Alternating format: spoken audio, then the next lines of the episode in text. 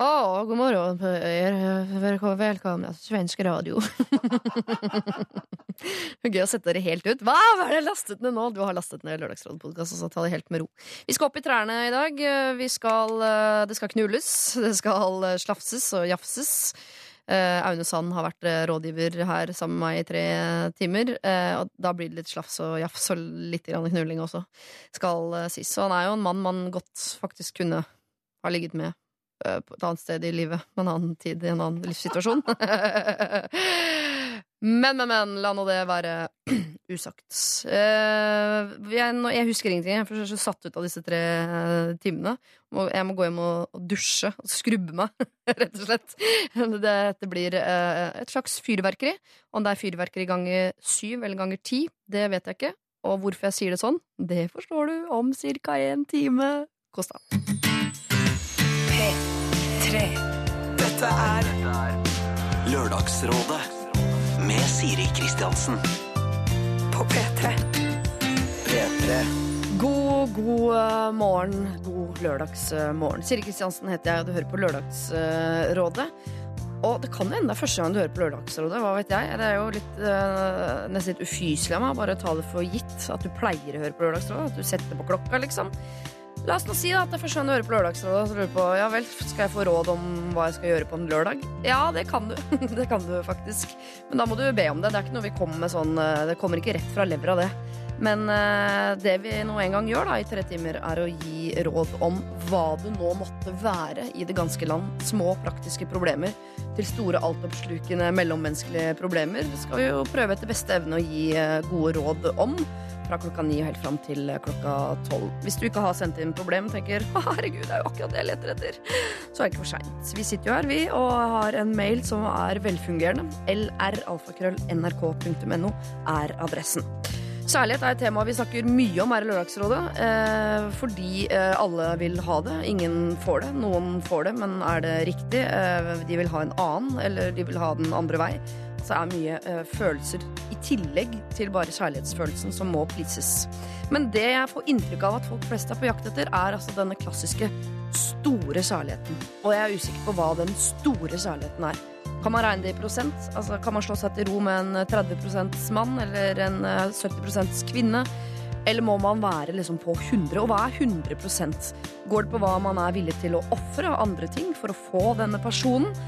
Er det likt for eh, alle hva 100 er eh, for noe? Og hvordan er det kan man få en nøktern mann til å stå foran i baugen på en båt og skrike bare han finner den riktige dama eller den riktige mannen for seg? Er det noen eh, partnere som eh, aldri vil finne seg eh, kjærlighet som er viktigere enn venner og familie? Og det å være rett for hverandre betyr at man kan leve på en øde øy sammen. At det eneste man trenger, er hverandre. At man faktisk kan leve på luft og kjærlighet. Eller er det mer sånn at dette er det eneste mennesket jeg tåler trynet på over tid? Jeg er usikker. Jeg tror det er ekstremt individuelt. Det eneste vi har til felles, er at vi leter av denne klassiske store særligheten. Men da må du sette deg ned og definere hva den er for deg. Eh, ellers så spør du oss i Lørdagsrådet. Vi kan jo definere det for deg, vi, men det blir jo ulikt fra gang til gang, da, ut ifra hvem jeg har på besøk. Lørdagsrådet. På P3. P3. Man vil jo ikke avbryte god stemning. Jack Johnson med sin Upside eh, Down, hentet fra den magiske tegnefilmen om den lille apekatten. Nysgjerrige Nils, for dere som har vært så heldige å se den. Jeg har sett den alene i voksen alder uten barn på et hotellrom i Kristiansand. Det var valget mellom den eller porno. Jeg valgte altså tegnefilm om en bitte, bitte liten uh, apekatt. Uh, men jeg var på det hotellet uh, to helger på rad. Så, og jeg så Nysgjerrig Nils bare én gang, da. Jeg bare nevner det sånn. Som en kuriosa som du kan kose deg med i stor eller liten grad. Nå skal vi kose oss med noe helt annen type informasjon. Eh, vi skal treffe Halvor igjen, som vi eh, møtte i eh, juni. Og når jeg sier vi, så mener jeg vi som i Petter Ness, Sandra Lyng Haugen og Einar Tørnquist. Vi var her sammen den 13. juni, og Halvor sendte inn et problem som handlet om eh, slekt. Altså Han hadde en far som ikke kalte sin eh, far for pappa, eh, noe han ble litt nysgjerrig på. Og etter å ha undersøkt nærmere, så viser det seg at pappaen til pappaen hans er ikke den ekte pappaen hans. Og da ville han veldig gjerne, etter at best, eh, alle besteforeldre hadde dessverre gått bort, så ble han nysgjerrig på denne ekte pappaen, hvem er han? Kan han forklare noe mer om hvem jeg er? Fins han fortsatt? Er det en mann jeg kan ha et forhold til? Og så videre.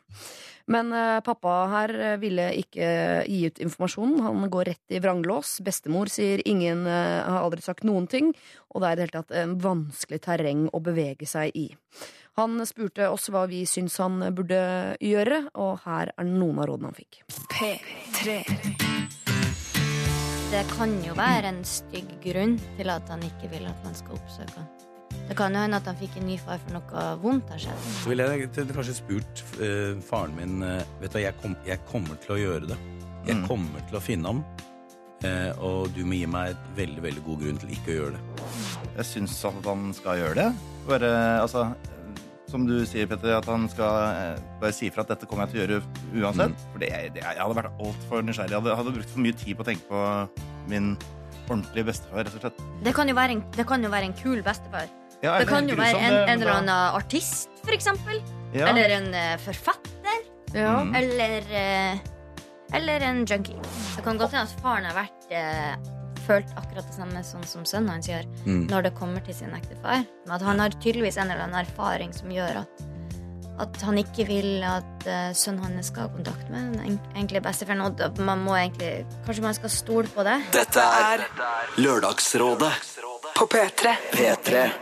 Vi er ikke noe nærmere svaret på om denne ukjente bestefaren er artist, forfatter eller junkie, eh, men vi er litt nærmere en eh, eh, tilværelse som Halvor er komfortabel med. Han har skrevet inn til oss. Jeg snakket med min far om denne ukjente bestefaren. Han fortalte at han aldri selv hadde møtt sin far, og er ikke interessert i at jeg skal grave noe mer i det. Grunnen til det er at, han, at det fortsatt er sårt for pappa at faren aldri har tatt kontakt. Så da etterpå ble vi enige om at han skal skrive ned navnet til sin far, sånn at jeg kan grave så mye jeg vil i det etter at min pappa har gått bort. Forresten så er jeg 22 år, og dette er en løsning jeg kan finne meg i, men jeg vil nok fortsatt grave litt i smug, altså lete i gamle skap, etter pappas fødselsattest attest osv. Hilsen Halvor. Det er fint at du kan eh, leve med det, og som snoker så kan jeg jo ikke slå hardt ned på andres eh, snoking. Det triste er jo at hvis du skal vente til din far går bort, så er det vel 99,9% sikkert at din bestefar i hvert fall har gått bort. Så da finner du ut noe om han, men du får jo aldri anledning til å treffe han.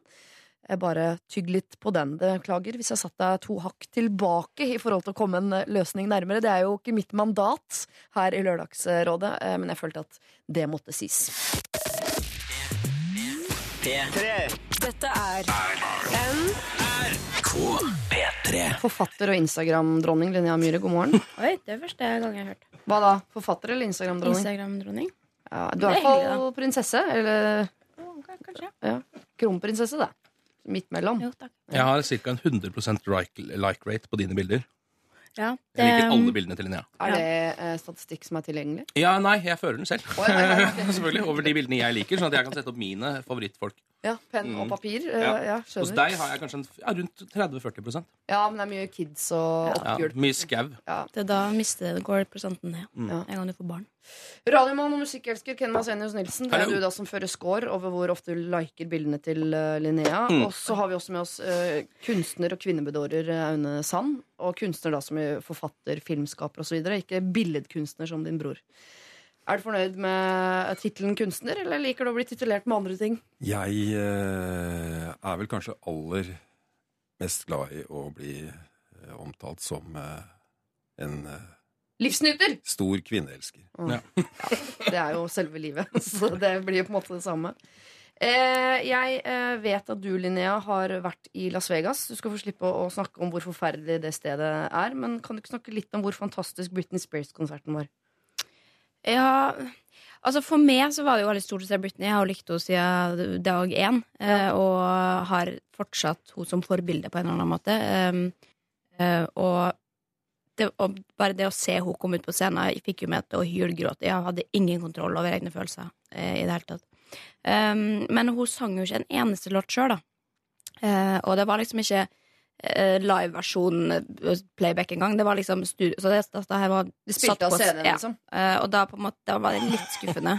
Men hun, hun, var hun hang jo med. Hun er jo blitt eh, voksen, og hun dansa og sto på. Og plutselig så var hun i en sånn vanvittig sånn englekostyme med sånne store, store binger, og sang Everytime, og da revna det for meg. Å nei, det er Ja. selvmordssangen. Nei, det er ikke selvmordssangen. Det, Er det er sangen. badekaret Jo, men det er og- sangen hun, sa, hun skrev til Justin Bieber etter han hadde slått opp med henne. Justin Timberlake? Justin uh, Timberlake. Ja, alle har sånne vi, altså. ja, ja. Oh, ok, jeg skulle ønske jeg var der. Jeg har også et enormt ønske om å se Britney Spears. Er det din type dame, eller Aune? Denne Britney Spears? Har du Ja, jeg har uh, sansen for henne. Ja. Absolutt. øh, og og uh, jeg syns at den mobbingen som hun har vært utsatt for de siste årene, er øh, er vondt å se på. Hun har blitt mobba Liv. Hun har vært, eh, gått gjennom noen tøffe tak. Men jeg Mm. føler at hun er Hun har kommet over på noe, men det siste albumet, det var dårlig, altså. Nei, var det det? Det var ikke noe bra. Hva er favorittlåta? Nei, det blir jo Everytime, da. Er det det, altså? Ja. Ja. Ja, jeg har Slave for you. Altså, når hun er i dette parkeringshuset og har sånn, en slags orgielignende sak der med olabukse med rosa truse utenpå. Da, altså, da, Mm, mm. Det er et fyrverkeri av en låt og en video. Det må jeg si jeg koser meg. Ja, Toxic, eh, som er litt sånn kjedelig å si, fordi det er liksom den kredible Britney-låta, har folk blitt enige om. Er ikke så glad i Eh, nei, ikke sant? Det er du ikke. Ekte Britney-fans er ikke så glad i den.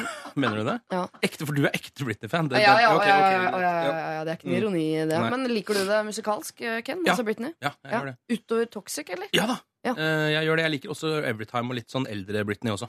Jeg er veldig, veldig glad i det. Altså Sett på noe, eh, noe tidlig Britney. Uh, hender det at jeg tar meg selv i å si. Ja. Mm. ja, men det er hyggelig. Mm. Dere, her i Lørdagsrådet så går vi alltid gjennom sivil status. Eh, skal vi starte med deg, Aune? Hva er din sivile status? Jeg er ute etter da eh, i forhold til kjærlighet, men også bopel og den slags. Hvor er du i livet? Jeg er øh, veldig forelsket i øh, mammaen til, øh, til barna mine, som heter øh, Marianne. Mm. Og nyter å få lov å, å se på hvordan en kvinne tar seg av barn, og hvor kjærlig hun er, og, og, og hvor viktig det å få lov å ligge inntil brystet til mammaen sin og trekke næring de første årene, hva det gjør med et menneske. Et lite barn. Hvor bor dere, da? Vi bor i New York. Jeg er eh, pendler mellom eh, Norge og, og New York og har forskjellige aktiviteter her. Nå er vi oppe i Trondheim, en Ja. fantastisk by. Sammen med tvillingbroren min Vebjørn og har hans utstilling Individets valg på festningen der oppe. Er dere tvillingbrødre? Beklager min ignoranse, men det er nytt for meg. Ja, vi er tvillinger. Så- Det er nytt for meg. Men det er toegga, da. Vi er toegget. Toegga, ja. 20 minutter. Ja. 20. Eh, Da Vebjørn kom først, eller? Vebjørn kom først, Det er veldig lett å se på tvillinger. Unnskyld. altså, Hvordan ser så man det? Hva var det en, eh, en kamp Ja. på liv og død, og så kom jeg. Med tang, eller? Jeg vet ikke hvordan det foregikk, men, eh, men det var visst dramatisk. Men eh, det, det vi skal jo ikke gå så nøye inn på. uh, I hvert fall meg som mor merker Jeg kan ikke snakke for mye om det. Sånne traumatiske fødsler. Da går det gærent. Mm. Eh, hvordan er det med deg da, Ken? Ja, altså, jeg lever de glade sjekke-app-dager Ja. eh, der ute eh, i verden. Du og Norge. fråtser på Så Tinder? Først, først og fremst Norge.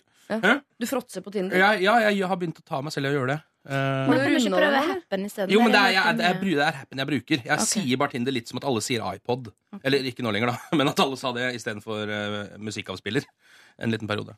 Ok, Så Tinder er på en måte bare et begrep for Ja. eh, Ja, For jeg bruker nesten aldri Tinder lenger. Det er, det er begynt å bli litt kjedelig. Hva er happen? Det er det samme. Ja. Bare at man må gå forbi hverandre på gata.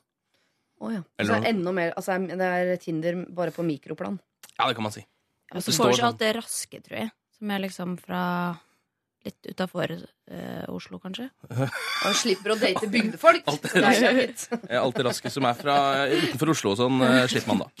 grusomme sånne ting å si. Det er veldig deilig at det kommer fra deg, Linnea. Det liker jeg. Jeg skjønner ikke hvorfor ikke bygdefolk liker Oslo-folk. Det er rart. Du kommer fra bygda sjøl, så jeg skal ikke si noe. Hvordan er det med din sivile status da, uh, Linnea? Du, den er avstandsforhold eh, på andre sida av jorda. Uff. På- Den verste sivile status. Jo, men den er grei, den, altså. Fordi eh, Sondre bor i Ikke New York som eh, Aune, men i Jo, han bor jo i New York. Han bor i New York, ja. Mm. Herregud, dere burde jo sette opp eh, Kan dere ikke hyre sånn eh, felles fly og sette opp Dere må jo Hyre felles fly? ja, men dere må jo altså Skal få gjøre noe linka sånn fly? kalenderne deres. Linnea og Aune, dere har jo felles interesser på begge sider av, av jordkloden. Der dere må jo inngå et eh, kalendersamarbeid. Jeg, bare, jeg legger det Jo, takk. Ja. Vi kan snakke om det etterpå. Ta Snakk litt grann om det etterpå.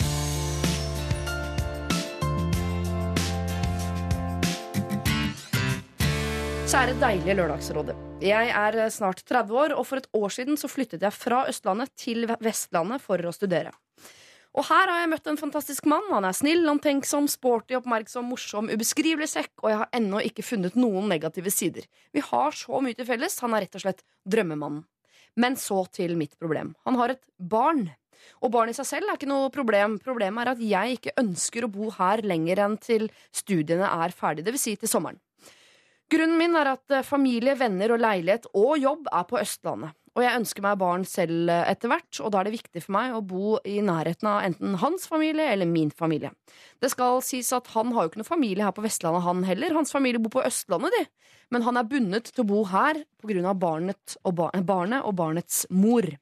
Han har sagt til meg at han gjerne hadde flyttet med meg dersom han ikke hadde vært bundet til Vestlandet. Jeg er midt i eksamensperioden og trenger noen gode råd fra dere på hva jeg skal gjøre. Er det noen mulighet for oss til å holde sammen, eller er det bare best å avslutte det hele nå? Hilsen Solveig. Altså, skal hun fortape seg i stor kjærlighet eh, når den har en utløpsdato? Eller det er jo all særlighet, ja, men den er ganske kort. Det er en sånn mel melkebasert utløpsdato. Hva tenker dere?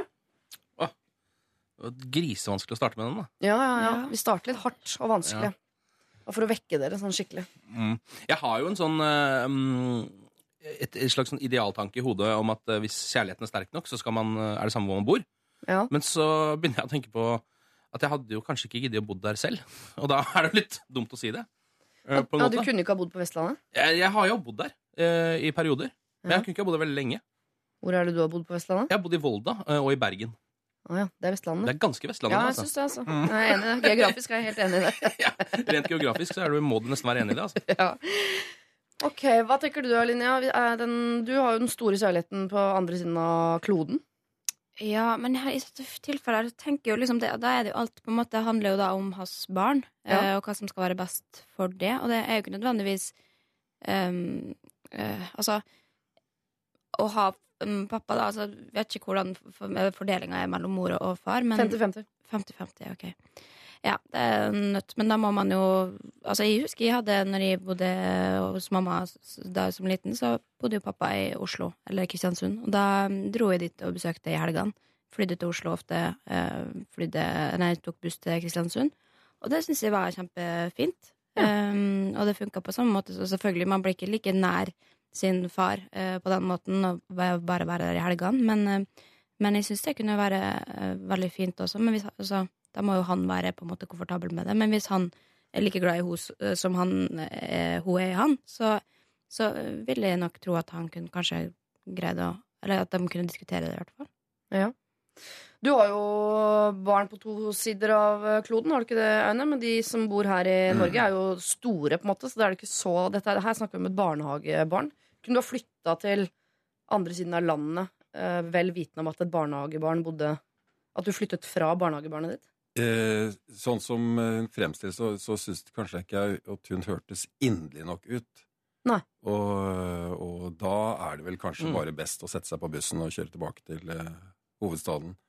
For hvis du skal gå inn i et forhold eh, med en som har et lite barn, eh, så er det barnet eh, som er det viktigste. Eh, Ja, da blir det på barnets premisser, rett og slett. Helt klart. Men, men det må man ta med seg når man går inn i et forhold med noen som har barn fra før. Så er det det å ta hensyn til barnet som er det viktigste. Men er det et hensyn hun må ta nå? Akkurat nå er hun jo kjempeforelska i drømmemannen, og han er forelsket i henne. Og, altså, de, de, Syns du ikke det kan være fint at de koser seg maks nå fram til sommeren? Og så dukker dette problemet opp, Uh, i forhold til at Ja, hun vil flytte, og han jo- ikke kan. Da har man jo tid på å forberede seg også. Og altså, i verste fall så kan hun flytte i forveien, på en måte, og så ser man hvor det går. Men jeg visste ikke at det var så lite barn at hun går i barnehagen. Da blir det jo litt vanskeligere. Da kan du ikke bare sette den på et fly. Men, uh, men uh, Jeg reiser alene, bruker man ikke det lenger? Jo, men ja, kanskje ikke, men det er i den treårsalderen. Så blir det litt sånn der, Nei, Jeg overvurderer barn veldig ofte. Eh, Jeg kjenner ikke så mange barn, så jeg tenker at de er litt smartere enn de er. Nei, det er jo Ja, litt de er veldig dumme, faktisk. Ganske lenge. Er det er et eh, veldig stort ansvar uh, å bli sammen med en som har et barn fra før. Og sånn som hun fremstiller, så, så virket det på meg som hun var mer opptatt av uh, sine egne behov. Uh, og når det gjelder barn, så er i hvert fall min mening at det er barnets behov som er det aller, aller viktigste. Og så må kjærligheten hennes være så sterk at hun eh, kan eh, gå i, i, gjennom eh, skog og mark for å komme frem til den hun elsker. Og legge seg ned og bli befuktet ut på noen strender ute på Vestlandet. For det er fantastisk vakkert. Ja. Og det er det nærmeste vi kommer Gud. Det er Vestlandet. Og den, den naturen som er der ute. Du får det til å høres ut som du nesten har opplevd det selv, å bli befruktet på en strand på Vestlandet. Men, men Ja, det, Det kan jo selvfølgelig vært i andre enden av det. Men la oss ikke gå i dybden på det. Eh, Jeg er helt enig med Aune her, fordi altså det, eh, begge to er forelsket. Det hun må ofre, er eh, leiligheten sin, en materiell gode, eh, som lar seg forflytte. flytte.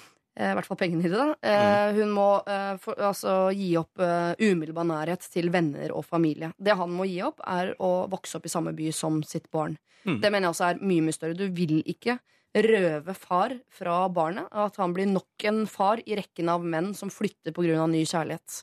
Eh, Det blir, eh, altså det blir vanskelig. Det er som Linnea sier, da får man jo et, eh, ikke et så nært forhold til sin far. Er dette mannen du vil at skal bli far til dine barn?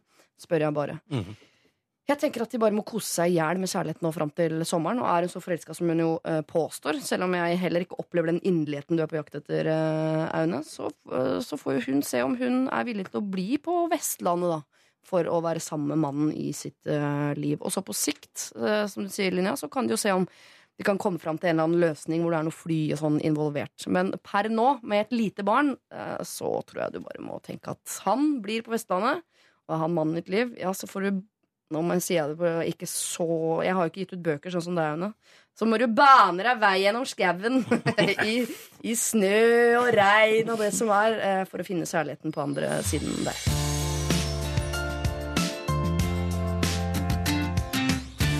Jeg er da en jente på 19 år, jeg spiller fotball og studerer. Jeg kom ut av skapet som lesbisk for ca. ett år siden. På fotballaget mitt har jeg mange gode venner, særlig en jeg har kjent i godt over fem år. Hun er verdens snilleste og søteste, og hun har alltid vært der for meg. Dette høres jo bare kjempefint ut alt sammen. Nå til problemet. Om to måneder skal laget på reise for å ha en slags workshop. Her skal vi bo to netter på et spahotell. Bestevenninnen min på laget har spurt om vi skal bo på samme rom, og det er kun rom med dobbeltsenger eller enkeltrom. Vi har sovet sammen mange ganger før, men det har vært enkeltsenger og på rom med flere jenter, og dette var også før jeg kom ut av skapet. Det er dessverre sånn at jeg er og har vært hodestups forelsket i denne venninnen min i flere år nå. Og jeg kom nylig ut av et forhold, eh, og hun er i et ferskt forhold til en gutt. Kan jeg sove i dobbeltseng en lang helg sammen med henne? Vi skal jo feste. Tenk om jeg gjør eller sier noe dumt. Den store, men umulige drømmen min er jo at vi skal bli sammen og leve lykkelig alle våre dager. Ekstra informasjon. Hun er en del år eldre enn meg. Hun er hetero, så vidt jeg vet.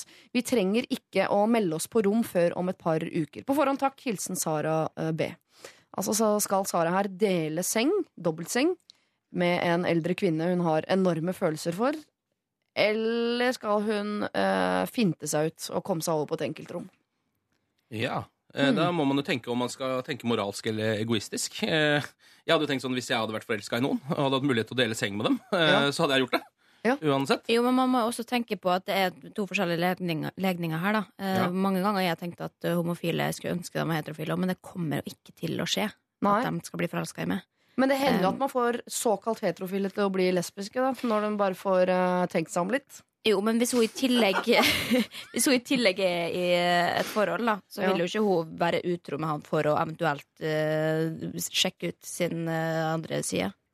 Sannsynligvis ikke. Sannsynligvis ikke. Men det Sara er redd for her, er jo ikke nødvendigvis hva som kommer til å skje, men hva hun selv kommer til å gjøre. Klarer Ja. man å holde følelsene sine i sjakk under, eh, i alkoholpåvirket tilstand i en dobbeltseng med kvinnen man elsker?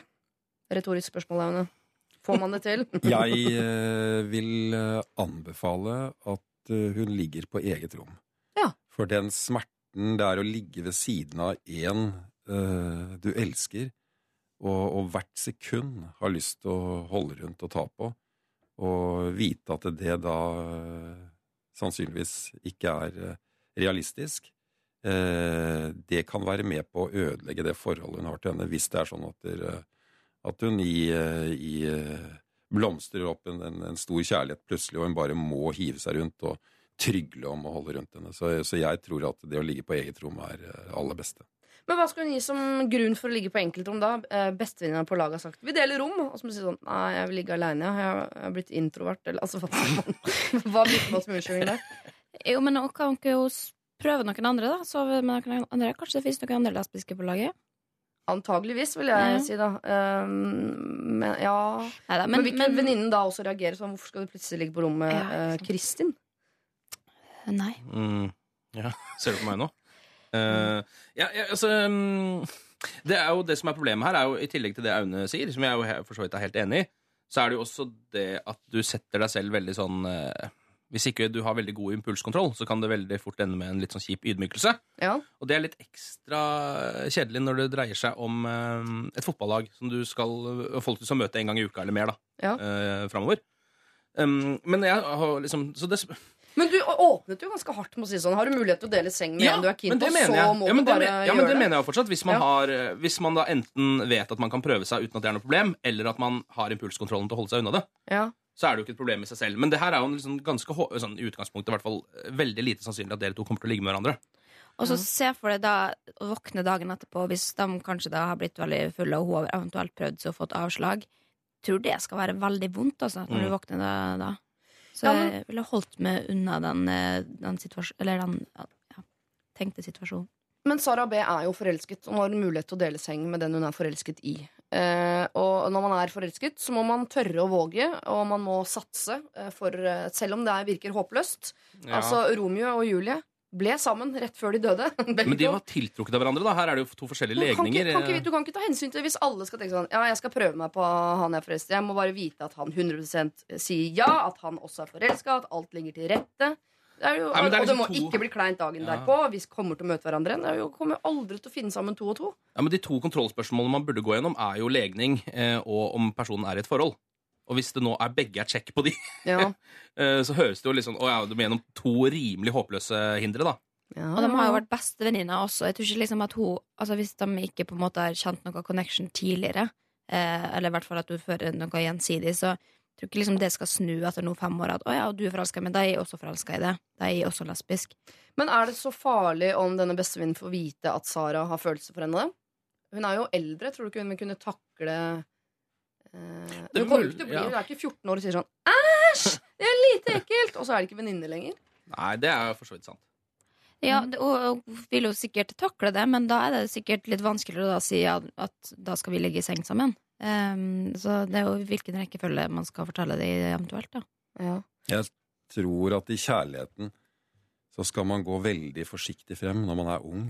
Fordi eh, eh, hvis man eh, blir såret, eh, så er jo det så enorme smerter at det kan jo eh, være noe som man kan leve med lenge. Så jeg ville gått veldig forsiktig frem og heller hatt en langsiktig strategi på at dere kanskje, kanskje, kanskje en dag i fremtiden, hvis eh, kjærligheten er så stor, at eh, hun hun er forelsket i, faktisk kan gjengjelde den kjærligheten. Det er det klokeste jeg har hørt Jeg på kjempelenge. Altså, tar av meg hatten for ja, hvor var du da jeg var 18-19 år? Hvorfor drev du og lagde dis da istedenfor å gå etter meg og bare berike meg med din visdom? Gjorde alle feil. Å, vi har funnet en ny Christian Borch! Ja, det er deilig at det er flere av dere. Ok, jeg tror eh, også du skal eh, finne en eller annen anledning til å komme deg på et uh, ene, enerom på denne turen. Altså, det er som om jeg skulle ha gått inn i en kiosk nå og kjøpt masse sjokolade og bare hatt de liggende hjemme i huset og vite at jeg kan ikke spise de. Det er helt forferdelig. Da må du bare la være å ha de sjokoladene i huset. Og du kan i hvert fall ikke ha de oppi senga. Jeg tror du må komme deg opp et eh, eget eh, rom eh, av hensyn til denne venninnen din, av hensyn til vennskapet deres, av hensyn til deg selv og morgendagen. Men er denne kjærligheten en kjærlighet som ikke går over, så kan det hende den blir gjengjeldt en eller annen dag, men ikke på et hotellrom i alkoholpåvirket tilstand nå neste helg. Lykke til på sikt. Lørdagsrådet med Siri Kristiansen. På P3. P3. Vi skal til et konsept som eh, heter datekasse. Jeg har aldri hørt om det før. Det har kanskje ikke dere heller, men eh, jeg skal forklare hva det er. Ehm, Tiril og Eivind har da laget en pott som skal fylles av begge to, som skal brukes på en middag, en kinodate eller lignende. Men de lurer på hvordan skal vi få fylt på denne kassa? De har solgt noen møbler, eh, og de hundrelappene gikk rett i datekassa. Eh, Vi har også blitt enige om at penger fra panting skal brukes til dating. Men hvis dette er de eneste inntektskildene, så blir det jo ikke noe date før i 2018. Ideer som har kommet opp som vi ikke er helt fornøyd med, er penger i kassa hvis man banner. Penger i kassa hvis man glemmer å vaske. Penger i kassa hvis man eh, raper eh, eller fiser ved middagsbordet. Ideer som vi er fornøyd med. Eh, hvis man glemmer å sette i ny dorull, hvis man har brukt opp den forrige, eller eh, lommerusk. Da regner jeg med at de mener at hvis man har småpenger i lomma, skal man putte det i datekassa. Ikke fysisk lommerusk. Har dagens kloke rådgivere noen andre gode eller dårlige ideer? Hilsen Tiril og Eivind. Altså Her skal vi bare finne opp uh, metoder for å skaffe penger i datekassa, så disse to kan gå på kino eller spise middag Mm. før 2018. Da. Jeg vil legge inn sovne under film. Sovne under film. Ja, for det irriterer meg noe voldsomt hvis jeg er sammen med noen, og så sovner de midt i filmen. Ja. Og så, For det første så er det kjedeligere å se den alene, og for det andre så blir det ofte da sånn at eh, når jeg refererer til den filmen senere, så har ikke de sett det og det. Og så sier jeg vi så den jo sammen. Ja, men da hadde jeg sannsynligvis sovna. Ja, ok, la oss aldri snakke sammen om noe igjen. Noen sånn. Nok en god grunn for at vi to ikke er sammen. Ja. Altså, jeg bare setter det opp på lista. Ja, ja, Ja. det er mange av dem. Faen, for et jævla styr, da. Skal du drive og huske på alt det her du skal skylde penger til en dum lita kasse til hver gang du gjør noe feil? Altså, Du liker ikke konseptet datekasse? Nei, kan dere ikke heller uh, skjerpe dere og, og gjøre ting som ikke nødvendigvis koster koste så jævlig mye penger, da? Går an å dra på date uten å bruke tusenvis av kroner? Det er jeg enig i. Altså, du tenker sånn hånd i hånd gjennom Frognerparken, Teknisk museum altså. Ja, nei, Teknisk museum koster penger. Ja, Det er sant. ikke verdt det heller. Jeg var der nå for noen uker siden. Er det sant at man kan bygge Lego der? Var du i kjelleren, eller? Ja men, jeg, ja, men jeg var der da jeg var lita, og da var det mye større og kulere. Og nå var jeg følte meg litt for stor. Ja, bare for du var mindre og kjipere, Ja. antagelig. Eh, ja, jeg er enig i at man kan gå på en billigere date, men jeg liker jo konseptet datekasse, at man har et felles prosjekt og et mål om å en dag gå ut på en sånn ordentlig romantisk date. De har antageligvis uh, lyst til å gå på dyr restaurant og på en måte kunne drikke champagne og spise ribbe og alt det der. Ikke ribbe og champagne. det, Det er ikke den komboen folk eh, higer etter. Det er ikke det de er på jakt etter. Uh, hva tenker du, Aune? Kommer du på noen sånn umiddelbare Trenger ikke å være straff. Kan være andre typer Ja, nei eh, Jeg er vel veldig enig med Linnea om at eh, det å finne kjærligheten er jo, er jo Kan jo bare være å se hverandre i øynene og kysse hverandre i en eh, på åpent slettelandskap. på femte året, liksom. Og de, er, de, de, de har vært sammen i fem Ja, år. det, men på et eller annet tidspunkt har de det. I 2018 har de vært på antageligvis det. Nei, vi, Da vi kan si at at det, ja. hele, det hørtes så kjedelig ut. Da ville jeg bare slått opp og så funnet noen som, virkelig satt brann i hjertet mitt. Og da trenger man jo ikke noe datekasse. Da er det jo bare å klatre opp i et tre og dundre løs. Det Da må man- heller være, være litt voksen. Man skal sette av en hundrelapp her, for nå skal vi på date om tre uker, liksom. Altså, at man heller gjør det sånn. Ikke bare sånn, det høres ut som en sånn en leik for barn. Dere er imot hele datekassa? Ja, Jeg jeg er ikke så imot datekassa, eh, egentlig. Eh, Men jeg skjønner Men det er derfor du er singel. Ja, det er akkurat det. Jeg skjønner jo at det er derfor jeg, det er, derfor jeg er singel. Fordi jeg er sånn datekassa er smart og, og sånne ting. Eh, Men jeg skjønner jo at det er mer voksent å kanskje bare sette på et autotrekk på konto fra begges konto på liksom Ja, så og så mange for hundre det kroner. går an, og så kan man ha sånn at man, hver gang man trekker kortet, så trekker det så og så mye penger. Og sånn. Ja. Så det er en veldig god sparemetode der. Det er mye enklere det istedenfor at man skal drive og huske på hva man skal gjøre og ikke gjøre, kaste penger. Det er jo ingen som har cash lenger heller. Det Ja, det er sant. Ja, for, eh, det er jo eh, Sparebanken Nord tror jeg der har jo et sånt prosjekt hvor, de er, hvor du kan velge at eh, hver gang du bruker kortet, så rundes det opp til. Ja. Så kan du velge om du vil ha opp nærmeste tier eller femtelapp eller hundrelapp eller hva du vil. Og da sparer man penger hver gang man bruker kortet. Mm. På en eller annen måte. Men en at det er jo litt Altså eh, Hvis man skal eh, beskrive Eller eh, liksom Altså Kjærligheten blir, høres jo litt sånn hverdagslig ut når man må sette det inn i en sånn kassesystem med noen bøter og noe greier, men samtidig så liker jeg at det er litt sånn humor og prosjekter Ja, inn i kjærligheten også. For Jo, det men ikke- dette er kanskje for mer for sånn kollektiv, ikke for et kjærestepar, tenker jeg. Men jeg tenker Ja. sånn et argument for kjæreste, eller datekassa, da. Eh, hvis det er ting man irriterer seg over ved den andre parten, Ja. sånn som dette med dolokket og dorull og alle de klassiske tingene, Mm. så må det jo være bedre at den personen da, når den driter seg ut på det, må betale 100 kroner. Så er det liksom sånn, da kan, da kan du ikke mase mer om det, og så er den saken bare ute av verden med en gang. Jeg har et uh... godt forslag. Nå bør forslaget være veldig godt. Eh, og det er uh, Hvis Dette er jo et kjærlighetsforhold. Ja. Og det er, eh, det er alvorlig. Mm. Det er viktig. Eh, og denne deitekassa som jeg egentlig ikke har så veldig veldig stor sans for. Men hvis man skal da teste ut den, Ja. og få noen ordentlige kroner oppi der sånn Hvis hun eh, ja, Tør jeg si dette? Ja. Hvis, hvis hun hadde gitt han en skikkelig blowjob, Ja. og sett hvor mye som kom i DT-kassa etter den Og så hun skal begynne å suge typen sin for penger, er det det du sier? Se om, det er noe fart i forholdet. Det tror jeg, eh, Hvis typen min hadde foreslått det sånn eh, Jeg putter en hundrelapp i datekassa hver gang. Oi, oi, oi. Da hadde jeg klatra opp i et tre og hoppa ned igjen med hodet først. Men hvis han sånn. hadde foreslått det etter å ha kremta ti ganger, så måtte du i hvert fall fulgt med på det. Jeg tror du hadde likt det. Så, Nei, man kan ikke I begynne å betale trassens høyborg så tror jeg jeg hadde sugd han og gitt han en hundrelapp. Altså, det er mulig jeg hadde gjort. Og så kan du bite litt på slutten der, bare for å være grusom. Ja, eh, det er et forslag Altså, det er et konkret forslag, Aune. Alle konkrete forslag er eh, velkomne. Eh, jeg syns Tiril og Eivind Det høres ut som de har et litt sånn eh, nøkternt kjærlighetsforhold, ikke et sånt eh, Titanic-kjærlighetsforhold. Mm.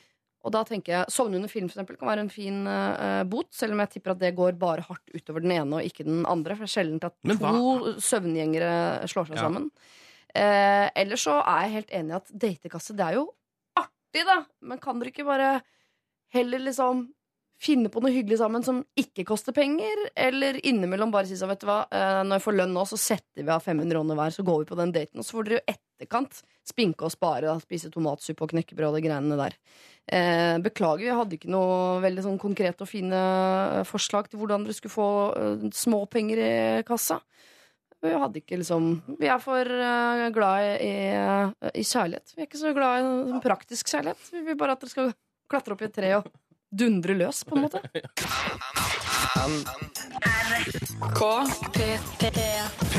P3. Daniel Kvammen, du fortjener en som eh, meg. Daniel Kvammen kommer til å dukke opp her i Lørdagsrådet om kun kort tid. Jeg bare eh, nevner det. Eh, Men eh, i dag er han ikke her, for det er eh, Aune Sand, Linnea Myhre og Ken Vasenius Nilsen. Og nå skal vi hjelpe en fyr som er en nier på konfliktskyhetsskalaen. Den har jeg ikke introdusert for dere i dag, men altså eh, hvis man er en nier, så er man ekstremt konfliktsky, og det må vi legge til grunn eh, når vi gir denne mannen eh, råd. Han kaller seg Truls, 26 år gammel, er gift og har et eh, lite barn. Han er musiker og har fått seg en ufrivillig venn. Uh, ok, hør på der. For ca. fire år siden ble jeg oppringt av en person jeg kjente da begge var barn, rundt seks til ti års alder. La oss kalle han Fredrik. Vi bodde i samme by og så hverandre opptil én gang i uken på en felles fritidsaktivitet. Denne personen har alltid vært litt eh, rar og har ikke hatt de samme sosiale antennene som andre. Det merket vi allerede som eh, barn. Jeg har ikke hatt noe kontakt med han utenom at jeg så han denne ene gangen i uken. Vi traff hverandre et par ganger senere som tenåringer, og det var spesielt én hendelse hvor han kom bort til meg for å snakke om musikk, som han også er interessert i. Så, for noen år siden fikk jeg en telefon fra denne Fredrik. Han var hyggelig, høflig, men ganske pågående og ivrig. Han refererte til den ene gangen vi pratet om musikk, som da var eh, nesten ti år siden. Og han snakket om hvor gøy det var, osv. Høflig som jeg er, så jattet jeg med, og til slutt, etter ca. en time og 20 minutter, så avslutter vi telefonsamtalen. Selv om jeg sa fra flere ganger om at jeg måtte legge på. Men han fortsatte å prate om nye ting hele tiden, nye spørsmål. Og for meg, da, som er konfliktsky og, høflig, så er det umulig å legge på røret mens andre prater. I samtalen nevner han ting som hvor mye han ser opp til meg, hvor gode venner vi er, om jeg kan undervise han litt gratis i eh, musikk, og små hint om hans mentale helse og oppvekst. Basert på dette her så får denne Truls sympati for Fredrik, det skal sies. Eh, han sier at han, ja, kanskje han kan gi han noen undervisningstimer eh, i musikk. Eh, men denne Fredrik maser og maser og maser, ringer og ringer i forkant av eh, dette møtet de skal ha for å undervise i musikk, og Truls blir lei og tar til slutt ikke telefonen. Eh, Så denne undervisningstimen i musikk Den finner aldri sted, og Truls har egentlig heller ikke tid til det. Fredrik han fortsetter å ringe, og nå vil han gjerne komme på besøk. Så blir det stille, men allikevel et par ganger i året så ringer han allikevel. Eh, og for et par uker siden så tok det seg opp. Masingen har blitt mer intens igjen, og han vil komme og besøke denne Truls og kona og barnet. Men det har ikke familien tid til. Så skriver han. En dag ringer han meg klokken syv om morgenen. Eh, jeg tar den ikke. Like etterpå får jeg en telefon fra et skjult nummer, og så eh, kommer Fredrik igjen noen minutter senere på melding hvor det står 'tidlig oppe'. Han har slitt, han sliter sosialt. Han er deprimert, han bor alene og er mye alene. Skal jeg allikevel være en del av livet hans, noe jeg jo egentlig ikke har tid til, eller strengt talt lyst til? Skal jeg lage en avtale med han, sette av en halvtime hver mandag kanskje, hvor vi kan prate en halvtimes tid på telefonen, eller skal jeg bare kutte all kontakt? Og I så fall, hvordan gjør man det? Hilsen Truls 26. Altså, skal Truls uh, innlemme Fredrik i sitt liv mot sitt ønske? Han må, altså Stygt å si det, men han må ikke slippe det inn, altså, for da blir du aldri kvitt den. Hvis du først har en sånn som du egentlig ikke har lyst til å være venn med, så hvis du først har liksom gitt den litt, så, så vil den ha alt, og det for resten av livet. Da må man heller bare på en måte kanskje prøve å styre den i retning psy psykisk uh, helsevern. Kjempetips. Nei, da. Psykolog-ish. At man eh, kan man kan ikke liksom Hvis man ikke, ikke har tida til det eller lyst til det, så kan man ikke tvinge seg sjøl fordi man har dårlig samvittighet for at noen andre eh, ikke har det bra. Man har jo sympati for eh, Fredrik, da. Ja, og det er jo kjempefint, men eh, man kan jo ikke la det gå ut over sitt eget eh, liv. Man må jo I noen tilfeller, i hvert fall i det her, så tenker jeg man skal sette seg sjøl eh, fremst. Hvis, du, hvis du, han bare skal komme og ta og ta og ta, eh, at ikke det er noe du tilbake, så, eh, så er jo ikke det et sunt forhold. Hadde du sluppet eh, Fredrik inn i ditt liv, eh, Aune? Jeg vet vel kanskje ut fra det brevet litt for lite om hans eh, situasjon, og er han et, en person som er eh, deprimert, og som, som virkelig sliter, og, og trenger eh, profesjonell hjelp, eh, så er det jo mye vanskeligere eh, rent menneskelig å avvise. Ja. Eh, men det er klart at der, han høres jo veldig intens ut, og trer jo inn og og forstyrrer det jeg kaller privatlivets fred, som er veldig viktig når, eh, spesielt når man har små barn. Så jeg tror nok at det å sette seg ned øh, og, og, og fortelle han i klartekst at du er et fantastisk menneske, øh, du har alle muligheter, øh, men vi, ut ifra den situasjonen jeg er i, både arbeidsmessig og familiemessig, så kan ikke jeg ha den kontakten som du ønsker. Altså si det på en veldig ordentlig måte for å bli ferdig med det. For det er jo, eh, kan jo oppleves som veldig stressende og et mareritt å ha noen som, eh, noe som på en måte ikke tar slutt. Det blir jo, blir jo ha, som man vil gjerne at like har krefter til. Mm. Eh, det, det blir som å ha, ha en flue inni øret som, eh, som ikke vil fly. Og som man skal drive og bekymre seg over også, tenker jeg. At hvis man liksom skal utsette det problemet, så flyt, altså man flytter det jo bare fremover. Eh, ved å liksom si ja, det passer ikke nå, det passer ikke nå. Og bare, ja. gå- Truls har jo gå malt seg opp i et hjørne her, for han har jo på en måte gitt han noen smuler her og noen smuler der hele veien. Og gjør man det eh, altså eh, I hvert fall da til en person som tydeligvis ikke har de samme sosiale antennene som, som er eh, vanlig, så, er jo det, så, så har han malt seg opp i et hjørne som er vanskelig å komme seg ut av, annet enn å virkelig si i klartekst at dette her, eh, denne kontakten kan ikke vi ha. Mm. Men jeg bare lurer på eh, Det kan jo hende at Fredrik allerede får den hjelpen han egentlig trenger, men det eneste sånn vanlige lyspunktet han har i, i sitt liv, den eneste liksom, vennen han har, er greit. Ja da, jeg har en psykolog, og jeg har en mor, og jeg har en bror, og alt mulig sånn. Men det eneste vanlige bare mennesket der ute for meg, er denne Truls. Kan ikke Altså selv om man har barn og man har jobb og sånn, dette forslaget om å snakke med han på telefonen en halvtime i uka, Mm. som kanskje kan være et enormt lyspunkt i uh, Fredrik sitt uh, litt mørke liv, og som ikke krever så mye av Truls, egentlig. Jeg ville kanskje tenkt at fins det noe uh, han kan gjøre som han på en måte uansett må få unna? Eksempel sånn som å trene. Kan de trene sammen én en time i uka? Ja. Altså, det er, fordi da er det noe som han uansett skal, så har han bare med seg han kompisen.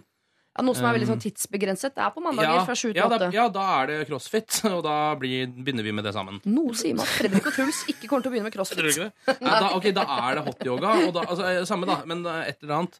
Ja, Uh, tai chi eller noe. Uh, som de kan, er det sånne ting folk trener om dagen? Jeg vet ikke hva folk trener. Ja, ikke Bikram-yoga menn gjør det, men, nei. men Hva er det menn trener, trener? Styrketrening? Styrketrening, ja. Da er det styrketrening. Eh, Ja. Så da stikker vi og gjør det. Men da plager de jo alle andre, da, hvis han skal stå der og prate med musikk i, i, inni øret på mens og Ja, det er løfte jo vekta. for så vidt et poeng. Men samtidig så er det jo som Linnea sier, at jeg tror hvis du slipper denne eh, Fredrik litt inn i livet, så vil han ha mer. Så jeg tror hvis du skal slippe han inn, så må det virkelig være eh, en, nærmest en avtale om at det er dette vi har sammen, Mm. Ikke noe mer. Og så er det å få en uten sosiale antenner til å forstå det, da. Det Ja, men det må jo være den der jeg har veldig lite tid. Du vet, jeg har barn, jeg har jobb, og så legger man på et par ting til som man ikke har. Mm. Eh, alltid lurt å ljuge litt. Um, og så sier man liksom sånn Men kan ikke vi, vi er treningskamerater, kan ikke vi trene sammen da og da? Og så kan det hende at det blir jo sånn um, Det blir jo sikkert noe som kanskje han ser fram til, hvis han ikke har så mye sosial kontakt ellers. Men, det å, så må, men da må man være streng på å begrense det til den ene timen. da Men da må en som er konfliktsky, til stadighet allikevel konfrontere eh, sin konfliktskyhet med at hver mm. eneste gang de er ferdig med Bikram-yoga, så spør han sånn «Ja, 'Når skal jeg få treffe kona di, ja? Ungen din?' Det er veldig bra å få utfordra sin konfliktskyhet litt, men uh, det kan jo bli kanskje litt slitsomt med uh, å Hver gjøre det hele mandag, tiden. liksom? Hver mandag, ja. De har aldri vært venner, altså. Det, det høres sunnest ut å på en ordentlig ryddig måte uh, skille veier og, og bare gå videre på hver, hver sin kant. Fordi det høres ikke ut som, øh, som solen og blomstene og som noe fruktbart som kan komme ut av det. Med mindre han vil gå inn i den rollen og, og på en måte øh, gi kjærlighet eller ta seg av et menneske som, som trenger det. Men øh, jeg tror han, han som ikke klarer å unngå å ringe klokken syv på morgenen. Jeg, jeg tror han eh, kan finne ting eh, på andre steder og finne noe annet som man kan glede seg over. Og det er nok sikkert ubehagelig det å ta den samtalen, men jeg tror det er mer ubehagelig å skulle føle eh, føle seg pressa av dette man skal gjøre for resten av livet. Det er det som er straffa til konfliktsky mennesker, er at han må jo eh, ta denne konflikten bit for bit for bit for bit, for bit og han blir aldri ferdig med den fordi eh, han gjør det aldri tydelig nok. Det er jo belønningen eh, de ikke-konfliktsky har. er at De Mm. blir ferdig med ting, og så kan de gå videre. Og så kan, har de rydda det skapet for lenge siden, istedenfor sånn som eh, Truls er, da, som må gå og tvære på dette her i årevis. Og Fredrik han sitter jo andre enden og tenker sånn Ja, herregud, vi snakket jo i telefonen i en og en halv time, vi må jo være kjempegode venner. Mm. Sitter han og tenker. Men det fins altså, det jo en arena, nemlig eh, the, the dating game, hvor dette her ikke er et problem. Fordi der er jo alt sånn som dette. At det er sånn, ja, nå prøver vi litt, og så er det en som til slutt sier sånn, du, nå gidder jeg ikke mer.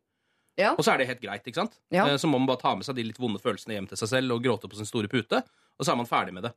Um, og det er jo på en måte sånn, det er jo like vondt uh, om det er en date eller bare en venn. Det er kanskje enda vondere med en venn, kanskje, fordi det ikke er vanlig. Men samtidig, det er jo på en måte sånn, følelsene er vonde uansett. Um, Det er ofte vanskeligere å slå opp med venner enn med kjæreste. ja, men det er bare fordi det ikke er noe man driver med. Hvis det hadde vært noe man drev med, så hadde det liksom? Det er bare fordi da tenker man sånn Oi, nå må jeg være helt ute, siden du faktisk gjør dette. ja, ja, det er helt sant. Mm.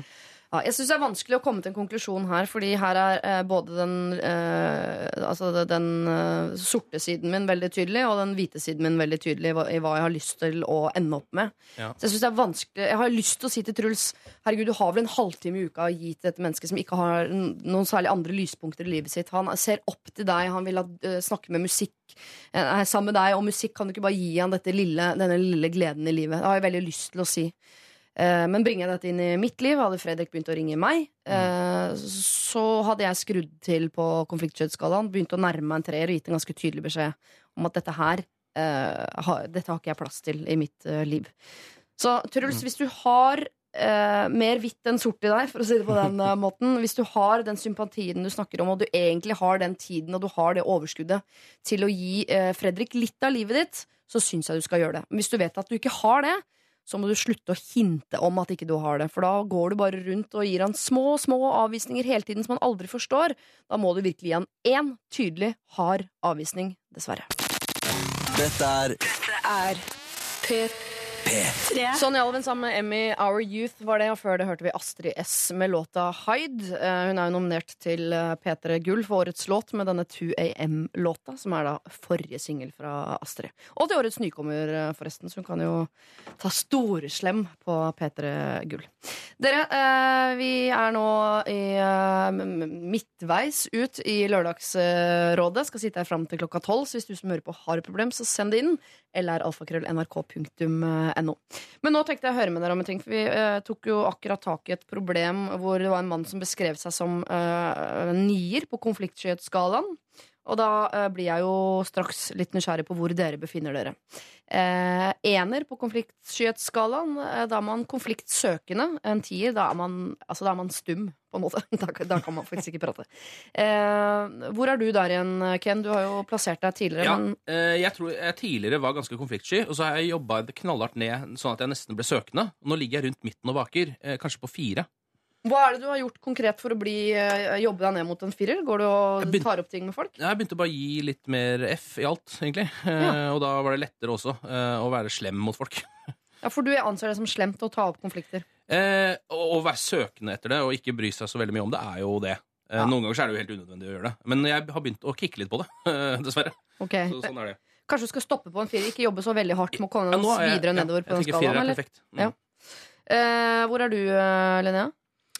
Altså, jeg bruker å ikke kalle meg søkende. Det er ikke, jeg har ikke så mange ofte problemer å ta opp, så jeg kommer ikke så veldig ofte overfor det. Men, men jeg tror nok jeg ligger på en tre-fire. Jeg har ikke problemer med å ta, det, ta opp ting. Men eh, jeg ser, ser veldig sjeldent problem i, eh, i det meste. egentlig. Og Gjelder det i kjærlighetslivet og på jobbfront og med venner og familie og Ja. offentlig rom og alt? Ja, nå jobber jeg jo i, eh, med meg sjøl, så det er på en måte ikke så mye problem å ta opp der. Men, eh, men eh, i, hvis det trengs i privatlivet, så, så tar jeg det opp der jeg føler at det trengs. Men jeg liksom klikker ikke på dolokket, på en måte.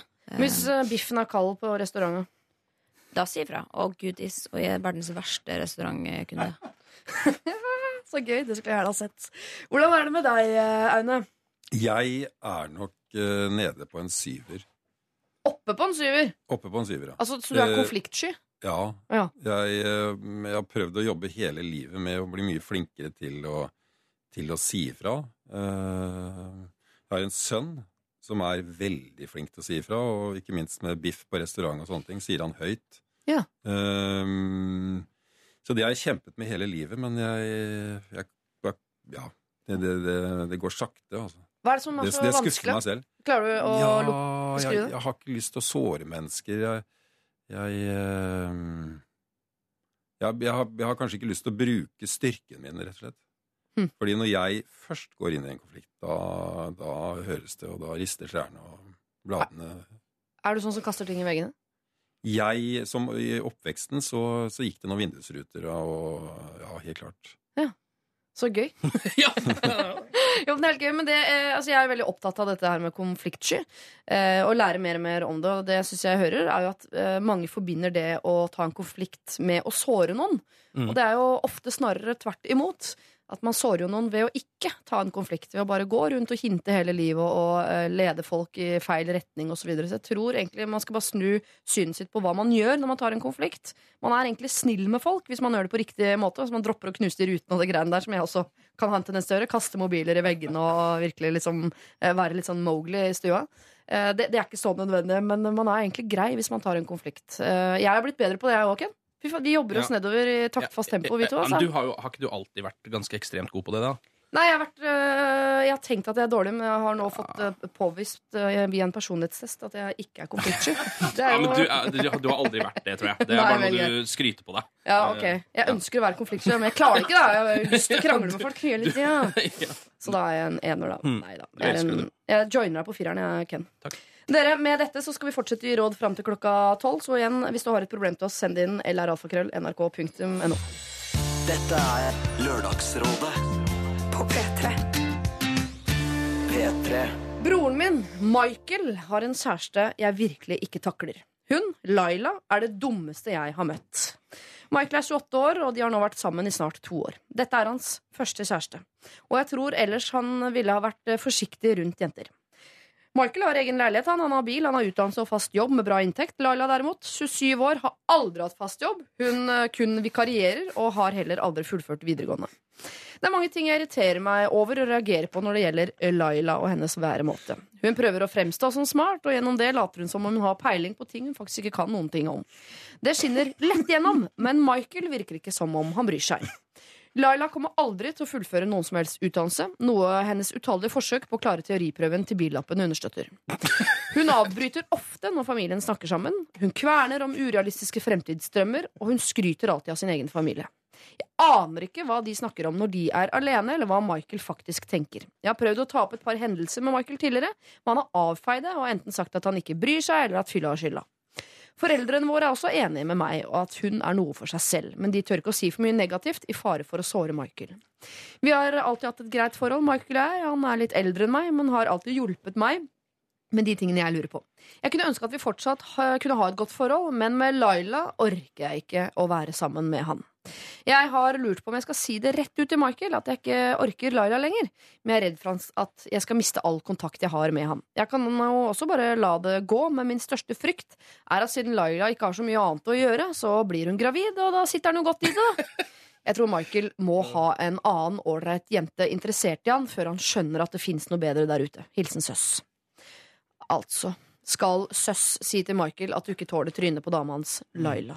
Det var jo et vakkert karakterdrap, i det minste, eh, på Laila. Det der. Ja, det er ingen her som tenker at de vil bli sammen med Laila. Men eh, det er det jo ingen her som heller skal, for Michael er jo sammen med henne. Ja. Skal Søss blande seg i det? Ja, hun skal helt klart eh, si eh, tydelig fra til, eh, til broren sin eh, om eh, hva hun mener. Ja. Eh, hun, Laila hørtes jo ikke ut som en som, eh, som anstrenger seg eh, voldsomt for å komme opp på et visst nivå. Eh, kanskje hun er sinnssykt god i senga. Ja. At det er det som gjør at, der, eh, at han fortsatt er eh, sammen. For hun hørtes jo veldig veldig lite attraktiv ut. da. Men er ikke det nesten alltid forklaringen på forhold man ikke forstår? Nei. Nei. Det tror jeg nok ikke. Men, men det er jo dette her med, med um, Det å si fra. Altså hvis, han, hvis hun sier fra til han, og han fortsatt ikke har lyst til å Altså, da må han jo være veldig forelska i henne, tenker jeg. Ja. Eh, og det, det må man jo på en måte bare respektere. Men da har hun i hvert fall prøvd å si fra. Men hvis han da skulle la seg påvirke av det og tenke ok, kanskje hun ikke liksom er førstevalget uansett, så Men erfaringsmessig eh, så vet jeg at det bare, man bør bare vente til det går over og det blir slutt, for det blir det. Hvis det ikke er meant to be. Med mindre han bare tar hva som helst. Um, Ja, men eh, ok. Laila uh, hun har ikke fast jobb, hun har ikke føre- førerkort, har ikke gått på videregående, hun skryter av familien sin. Men betyr det at hun ikke er, fortjener kjærlighet? Altså Eh, nei. Og så er det jo veldig vanlig Det, høres ut som hun har mer enn nok med sin egen kjærlighet. I seg selv. Ja, Ja, altså, men hun er forelsket i Michael, og Michael er forelsket i henne. Hvorfor skal vi bry oss om søss? Hva har hun med saken å gjøre? Ja, jeg er litt, kan være litt enig i det. Eh, Men så hele greia er, det er jo på en måte, dette er jo ikke Michael sitt problem, kanskje. Hvis Nei. han ikke ser det, så er det ikke hans problem, det er søstera sitt problem. Som Ja. må sitte og irritere seg over kjæresten. Men han kommer jo til å se det i etterkant. Men eh, når det da eventuelt til slutt, da vil han jo si oi, det var dumt at jeg kasta bort så mye tid. Men samtidig Mm. så har man jo da vært i et forhold man har lært, og i og med at det er også hans første kjæreste, så vet jo ikke han at det finnes sikkert tusenvis av damer som er mye, mye bedre. Men hva da kasta bort bedre damer? Mener at, det, eh, at man kaster bort tida på hvis man er sammen med folk som ikke Nei, har man kaster jo ikke og- altså. bort tida. Det, altså, det er jo en erfaring, det også, men man vil jo da lære neste gang man møter kanskje en kvinne som er bedre og har førerkort og har gått videregående og Altså, jeg har ikke førerkort. Er har du førerkort, Linnea? Ja. ja okay. Hvis, du, hvis hun er så slapp som det, han, det hun blir beskrevet som er sånn, så Ja. tenker jeg hvordan ville hun vært da som mor? Hvordan er verdens beste mamma? Gå 100 år tilbake i tid, da, hvor mange hadde utdannelse Som- og førerkort? på en måte Som bare skryter av seg selv og sin egen familie. Og det, det, ut fra de menneskene jeg har møtt, så, så tror jeg han, eh, han broren der hadde hatt veldig godt av å lete litt mer i verden. Og Kan man ikke prøve å liksom dytte den ut i situasjoner hvor eh, det finnes flere kvinner? Da, som er Tanner på strippeklubb og sånn? Er det det? Ja, det er kjempebra. Se å det? kunne. Der møter man ofte Ja. Masse damer som har Ja. på etter kjærlighet. Men eh, Ja, men altså, jeg bare tenker Mye av det her er jo altså, vinklinga eh, som Altså hvordan uh, søstera omtaler Laila. ja. Som ikke s- jeg, Altså, det er jo bare de då- dårlige tingene ved henne som er trukket fram, for det første. Ingen Ja. av de gode, det, Hun har jo noen gode sider, det har nesten alle. Jeg vet ikke hva de er. Men eh, altså, det er jo på en måte sånn ehm, Mye av det er jo bare sånne rene preferanser. Jeg husker at en kompis sa til meg en gang at han syntes at uh, dama mi hadde veldig irriterende dialekt. Og det er sånn, ja, ok, det var greit at du sa det. Uh, jeg kommer ikke til å slå opp med henne av det. Men jeg kommer, nå kommer jeg til å kanskje begynne å irritere meg over den selv, så takk for det. Uh, på en måte, altså, det er jo sånn, no, Noen ting beriker jo ikke verden. Jeg vet ikke om du om, Ja, men dialekt og an, hvilket Ja, men hva- menneske det er, det er jo litt, litt forskjellige ting. Ja, men. Det hun irriterer seg over, er at hun snakker mye om sin familie. Mm. Som kan godt hende at, søs, at Laila sin søstera snakker mye om sin familie og skryter av den. Uh, skjønner du hva jeg mener? At man kan snu på det. Det er veldig vanskelig å vite om Og det at hun ikke har jobb eh, og sånn, er jo på en måte bare sånn det er jo mange som ikke har det. Men her, her er det en familie bestående av søs, Michael, eh, kanskje flere søsken, en mor og en far, som seg imellom selvfølgelig har opparbeida seg en måte de eh, eh, agerer med hverandre på, eh, eh, hvordan de snakker sammen, hva de verdsetter og, og alt det der. Og så kommer eh, Laila inn fra siden her. Hun er ikke oppvokst med denne familien. Så, ja, kanskje Hun kom fra, en familie hvor de avbryter osv. Poenget er at Michael er forelsket i Laila. Laila er forelsket i Michael. Og det er ikke sånn at Michael går ikke ut og finner seg kvinnen sitt liv basert på hva familien hadde satt pris på at han tok av valg Nei, eller videre i eller hva, eller hva, hvem søsteren liker. Altså Hadde min Mm. familie eller mine venner fortalt meg at de ikke likte typen min, så er jeg sånn Synd for dere. Da får dere gå et annet sted. Jeg har valgt min partner. Uh, og det er mitt valg, og det får dere enten respektere, eller så får dere gå et annet sted. Jo, men hun må få lov å si det, for det at hun liksom kanskje ikke er liksom, At det hadde vært førstevalget. Det bedre det enn å liksom holde det innerst seg, hvis han kanskje kan være påvirkelig. Fordi hun, hvis hun misliker henne nå, så vil hun ikke begynne å like henne om et år, liksom. Det, Nei, men det er ikke så viktig om søs liker. Tenker jeg. jo, det er jo det. For man skal jo leve sammen eh, på en eller annen måte uansett. Selv om man kanskje ikke skal bo sammen, så skal de jo treffes for resten av livet. Men det er, jo litt, er det ikke litt dårlig gjort av henne å på en måte sette opp sånn du må litt velge mellom meg eller dama men det er, jo liksom? ikke, det er jo ikke det som det er snakk om, men bare si at du er, jeg ser dette og dette når jeg ser på kjæresten din. Hva, tenk, Mm. altså, hva tenker du om framtida, for eksempel? Altså, Ja, ja. Det eneste jeg er villig til å bli med på øh, Jeg sitter ganske hardt på hesten min her borte nå, merker jeg. eh, og det kan regne eller snø eller gjøre hva som helst. Men jeg kommer antageligvis ikke til å ramle av den hesten. Det eneste jeg kan være villig til å gå med på, er at eh, hvis Michael forandrer seg, hvis hun ser at han blir ulykkelig eller trekker seg inn i skallet sitt, eller at han endrer seg på noen måte, så kan hun ta opp det med Michael. At nå syns jeg du har endret seg. Er det, er det pga. Laila? Eh, eller så kan hun spørre eh, Michael sånn eh, Hva er det du liker så godt med Laila? Eh, hva er det som gjør at hun er kvinnen i ditt liv? Og har dere det bra? Og så videre. Men at søs skal gå direkte til Michael og si hva hun syns om Laila, tenker jeg det er helt komplett irrelevant for særligheten mellom Michael og Laila. Jeg mener at 90% av særligheten som finnes mellom to mennesker, er det ingen andre som ser. Fordi Mm. det foregår når de to er sammen. Og det kan ikke utenforstående på en måte eh, komme og si hva de syns om den kjemien, eller hva de syns om det de har sammen. eller videre. Det er det bare Michael og Laila som veit. Det er jeg enig i. Men samtidig så kan det hende at det er lurt for henne, og siden det her kommer til å påvirke forholdet mellom de to, Ja. så kan det hende det er lurt å si det. Eller på en måte sånn at da forstår han hvorfor du ikke kommer hver gang. Bli, hvorfor, liksom Når du, du blir invitert til Laila og, og Michael, så kommer ikke søstera er ikke så keen på å komme. Hun er keen på å henge med han alene, liksom. Ja. Og da kan det være greit å si det, bare så han forstår det. Um, det er jo ikke noe vits å liksom gå og skjule det heller. Er det det? Ut fra brevet så syns jeg det virker som et slapt forhold. Ja. Og som han Michael ikke er eh, stormende hodestuss forelsket i, i Laila. Ehm, og eh, hvis vi skal gi henne råd uh, Laila eller søs? Søster, søsteren. Ja, ehm, så måtte det være å, å snakke ut med, med, med broren. og se hvor, hvor, hvor mye dialog som kommer ut av det. med om, om han kanskje trenger et puff for å se i andre retninger. Og hvis dette var hans første kjærlighet, kjærlighet eller første, første forhold Ja. så, um, Og han er jo en voksen mann. Ja. Så han kunne trengt å smake på flere blomster. Absolutt. Men det kan hende han har smakt på flere blomster uten at han har plukket de og tatt med seg hjem. For det er å bare smakt litt på de akkurat der hvor de står og, og gror. Eh, man blir så, jeg har lyst til å bare adoptere språket til Aune. Jeg merker jeg blir så fort med ut på den Men du blomsterenga. kler det språket, det sånn. du bruke det. Er det sant? Ja. Kanskje ut en bok? Ja. Sjokolademus, kan det hete. Mm, ja. Men det er klart at hvis hun, Laila har en fantastisk jordbærmus, Ja. så, så, så er det det Man kan jo fortape seg i det. Så det er, eh, Men men det hun er trenger noe mer enn det. altså. Nei, hun trenger noe Nei. mer enn det.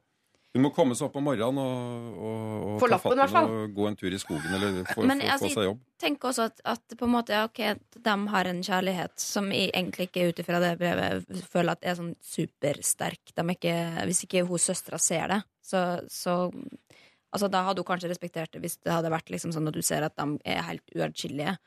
Uh, men hvis Altså Hvis de forsvinner bort fordi at ingen har lyst til å være sammen med dem, eller sånne ting, så er jo det Det er jo ikke et sunt forhold hvis de, han da forsvinner fra familien sin fordi han har en kjæreste som eh, han heller har lyst til å bruke tid på. på en eller annen måte Så det ser ut som han allerede- er på vei på liksom å gli vekk fra familien eh, ved at han er sammen med henne, og det er jo ikke bra.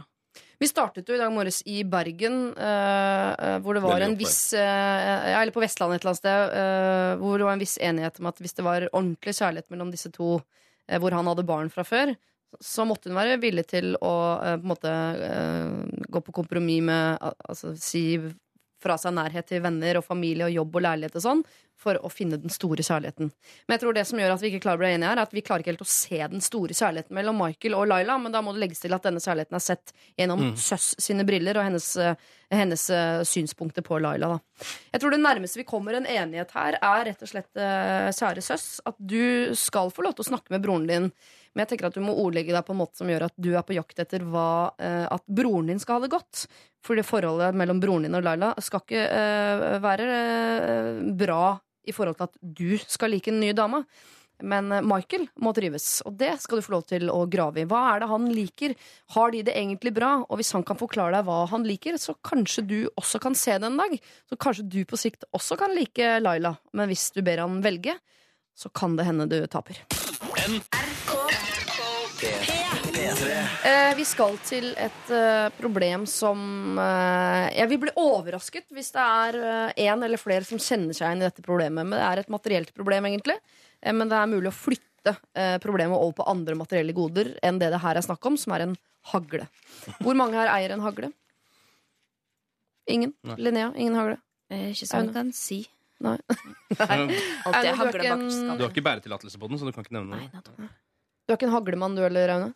Nei. Nei. Og Ken, du har ikke en Jeg har skutt med hagle.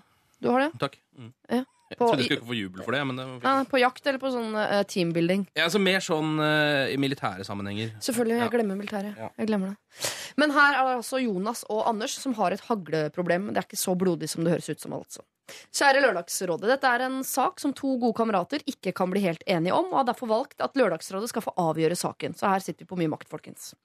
I november i fjor ringte Anders til Jonas for å spørre om han kunne låne hagla hans for å jakte sjøfugl. Jonas lurer da på hvorfor ikke Anders kan bruke sin egen hagle, og Anders svarer da at den er så innmari dyr, 25 000 kroner, og det er så komplisert å gjøre den ren etter jakt, siden det er en automathagle, og han er redd for at saltvannsprut fra sjøvann eh, skal kunne ødelegge, og han har ikke så lyst til det. Snill som Jonas er, sier han ja, eh, men med beskjed om at også hans hagle må gjøres ren og leveres i den stand som den var. Anders tar med seg hagla på jakt, og eh, som det nå eh, går når man eh, låner bort noe, så mister Anders hagla i en brygge, og det knekkes av en flis på trekolben. Jonas gir da beskjed om at det er sånt som skjer, men eh, han ønsker seg en ny kolbe fordi hagla var i fin stand. Anders mener at flisa på kolben kan limes på igjen og pusses, ettersom ny kolbe koster 2500, men å lime bare koster 800. Nå har Jonas fått hagla tilbake. Flisene på kolben er limpa, og hele kolben er pusset og oljet. Den ble sendt til en bøssemake som gjorde et veldig fint resultat av arbeid, men han kan fortsatt se merket eh, om, eh, på den eh, eh, hvis man vet at det har vært knekt bort en flis. Hagla til Jonas som Anders lånte, hadde en prislapp på rundt 8000 for 15 år siden. Den er lite brukt og velstelt og fin, ettersom Jonas er på jakt ca. en gang hvert femte år. Jonas mener det er irrelevant hvor mye hagla er brukt, men Anders mener det eh, spiller inn på oppgjøret. Så nå sitter de da, to spente kamerater på det blide Sørland og venter på eh, hvem som har rett. Skal Jonas godta at hagla eh, er som den nå er, eller bør Anders krype til korset og sende inn hagla på nytt for å denne gangen skifte kolbe? Eh, jeg sender med bilde som dere kan studere. De er lagt ut på vår eh, Facebook-side, sånn at dere som hører på oss, kan gå inn og se om dere mener at dette er en kolbe som må skiftes ut, eller om vi eh, godtar limingen. Eh, ser dere det, Linnea, Ken og Aune? Ja, eh, men jeg har, mine hagledetaljøyer er ikke så skarpe. Neida. Så jeg er litt usikker på om jeg ser eh, hva som er problemet. Ja. Helt, helt Altså- klart eh, skiftes ut. Skiftes ut? Nei, Unnskyld meg, hva slags rasshøl er det som kjøper 25 000 hagle og ikke Bruker den. vil bruke den? Det er jo, altså, da skal du jo gå ut og vise fram, da. Må faen meg vaske den etterpå sjøl. Andre sine ting. Det er veldig rart å kjøpe ting som skal brukes, og så ikke bruke det. For det er så fint. Det jeg kjøper en ny laptop, men jeg vil ikke bruke det. Kan jeg få låne din isteden? Ja, Ja, nei, det Men den skaden har skjedd.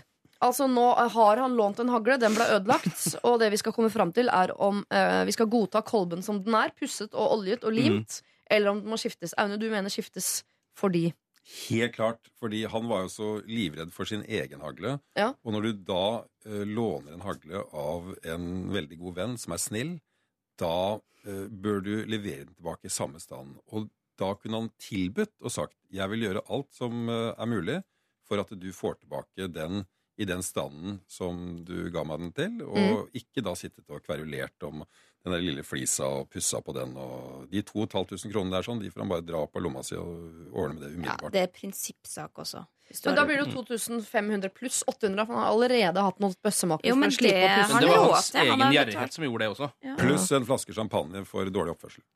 Ja. Ja. ja, Nå begynner det å bli dyrt. Ja, dere er helt enige om det? Ja, men han har jo råd til det. Han har brukt 25 000 på ei hagle sjøl. Du må selge den, da. Det, Men det er jo en bruks, det er en bruksgjenstand. På et eller annet tidspunkt så må en gjenstand som skal brukes ute i villmarken for å drepe andre eh, levende vesener, må få lov til å bære preg og spor av at det er brukt. Han har jo ikke med seg en mingvase ute i skauen. Det er jo en hagle. Ja. ja men det er akkurat det. Så, altså, rent prinsipielt så er jeg jo egentlig enig med Aune og Linnea. Ja. Eh, men så tenker jeg også at jeg hadde irritert meg voldsomt øh, over det selv. At, øh, fordi når jeg så på den hagla nå, så tenkte jeg ja, den skyter den. Den dreper den. Bruk Ja. den. Drit i det. Liksom. Men en annen veldig viktig ting Ja. som uh, Jeg er veldig imot uh, våpen, uh, med mindre de blir brukt på en forsvarlig måte. Og hvis han da klarer å miste en hagle i brygga, Ja. så er jo ikke han i stand til å holde et våpen, og det er viktig. Altså, du bør kunne holde et våpen, og det å skade et våpen på den måten da vil jeg se på han som en, en, en Jeg ville ikke vært den fuglen som fløy forbi den hagla der. For å si sånn, da. Men Så da er straffa rett og slett eh, Vi kan jo håpe da at eh, Anders må selge 25 000 kroners hagla si for å få betalt for Jonas sin hagle, eh, og så har ikke han som slipper hagler ned i brygga, noe hagle lenger. Er det en slags bonus også? Ja, kanskje. vet du hva jeg ville gjort hvis jeg var Jonas? Ville skutt Anders. Jeg satt og venta på det, Linnea. Med hagle på veldig lang Så kunne han arva den andre hagla. Ja. Eller så kan han bytte. Det kan de gjøre. De kan bytte hagle. Det er ikke så dumt. Det er faktisk ikke så dumt. Sånn går det. Ja.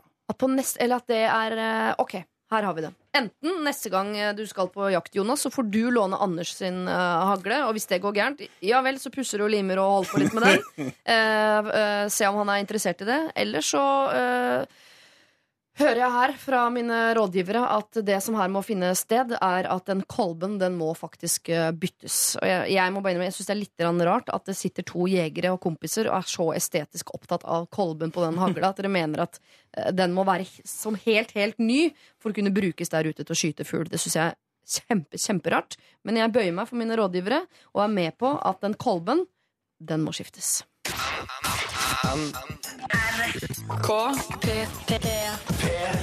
Maria Mena er tilbake. Dette var I Don't Wanna See You With Her. Eh, altså veldig personlige tekster fra Maria Mena. Noe annet er ikke å forvente. Sånn har hun jo alltid eh, forholdt seg til eh, låtene sine. Og det setter vi pris på. Vi har lagt ut eh, altså noe helt annet. Virkelig noe helt annet. Vi har jo lagt ut et bilde på Facebook-siden til Lørdagsrådet av eh, en hagle. Og det er da den hagla som Jonas og Anders er litt uenige om. eh, hvorvidt man skal bytte kolbe på eller eh, ikke. Det virker som om eh, dere som har kommentert på Facebook, er ganske enige om at kolben må byttes. Eh, De få som ikke er enig i at kolben skal byttes, mener at hele vennskapet skal byttes. Jeg visste jo at det lå mye krutt i en hagle, men at det var så mye uenighet og så mye eh, engasjement eh, og lidenskap rundt en haglekolbe, det er faktisk litt uh, nytt for meg. Marius har sendt inn en tekstmelding også, uh, kodord P3 1987, hvor han skriver at erstatningsretten uh, sier at uh, den skal leveres tilbake i samme stand. Men da er det jo et spørsmål om hva samme stand er, da. Jeg mener jo at den, den er limt, den er olja, den er pussa, og den er i samme stand som det den var før. Hadde den begynt å skyte skeivt, eller et eller annet som er mer prekært i forhold til å skulle få drept fjærkre, så er jeg enig i at det ikke er samme stand, at det er spor i kolben. Men jeg bøyer meg i kruttstøvet, folkens. Jeg ser at jeg er eh, utstemt, utledd og utvaska. Eh, og jeg får bare være enig med dere, da. Den kolben igjen, den må rett og slett bare byttes. Vi tar flere problemer eh, hvert øyeblikk her i Lørdagsrådet. Først skal vi innom Arctic Monkeys.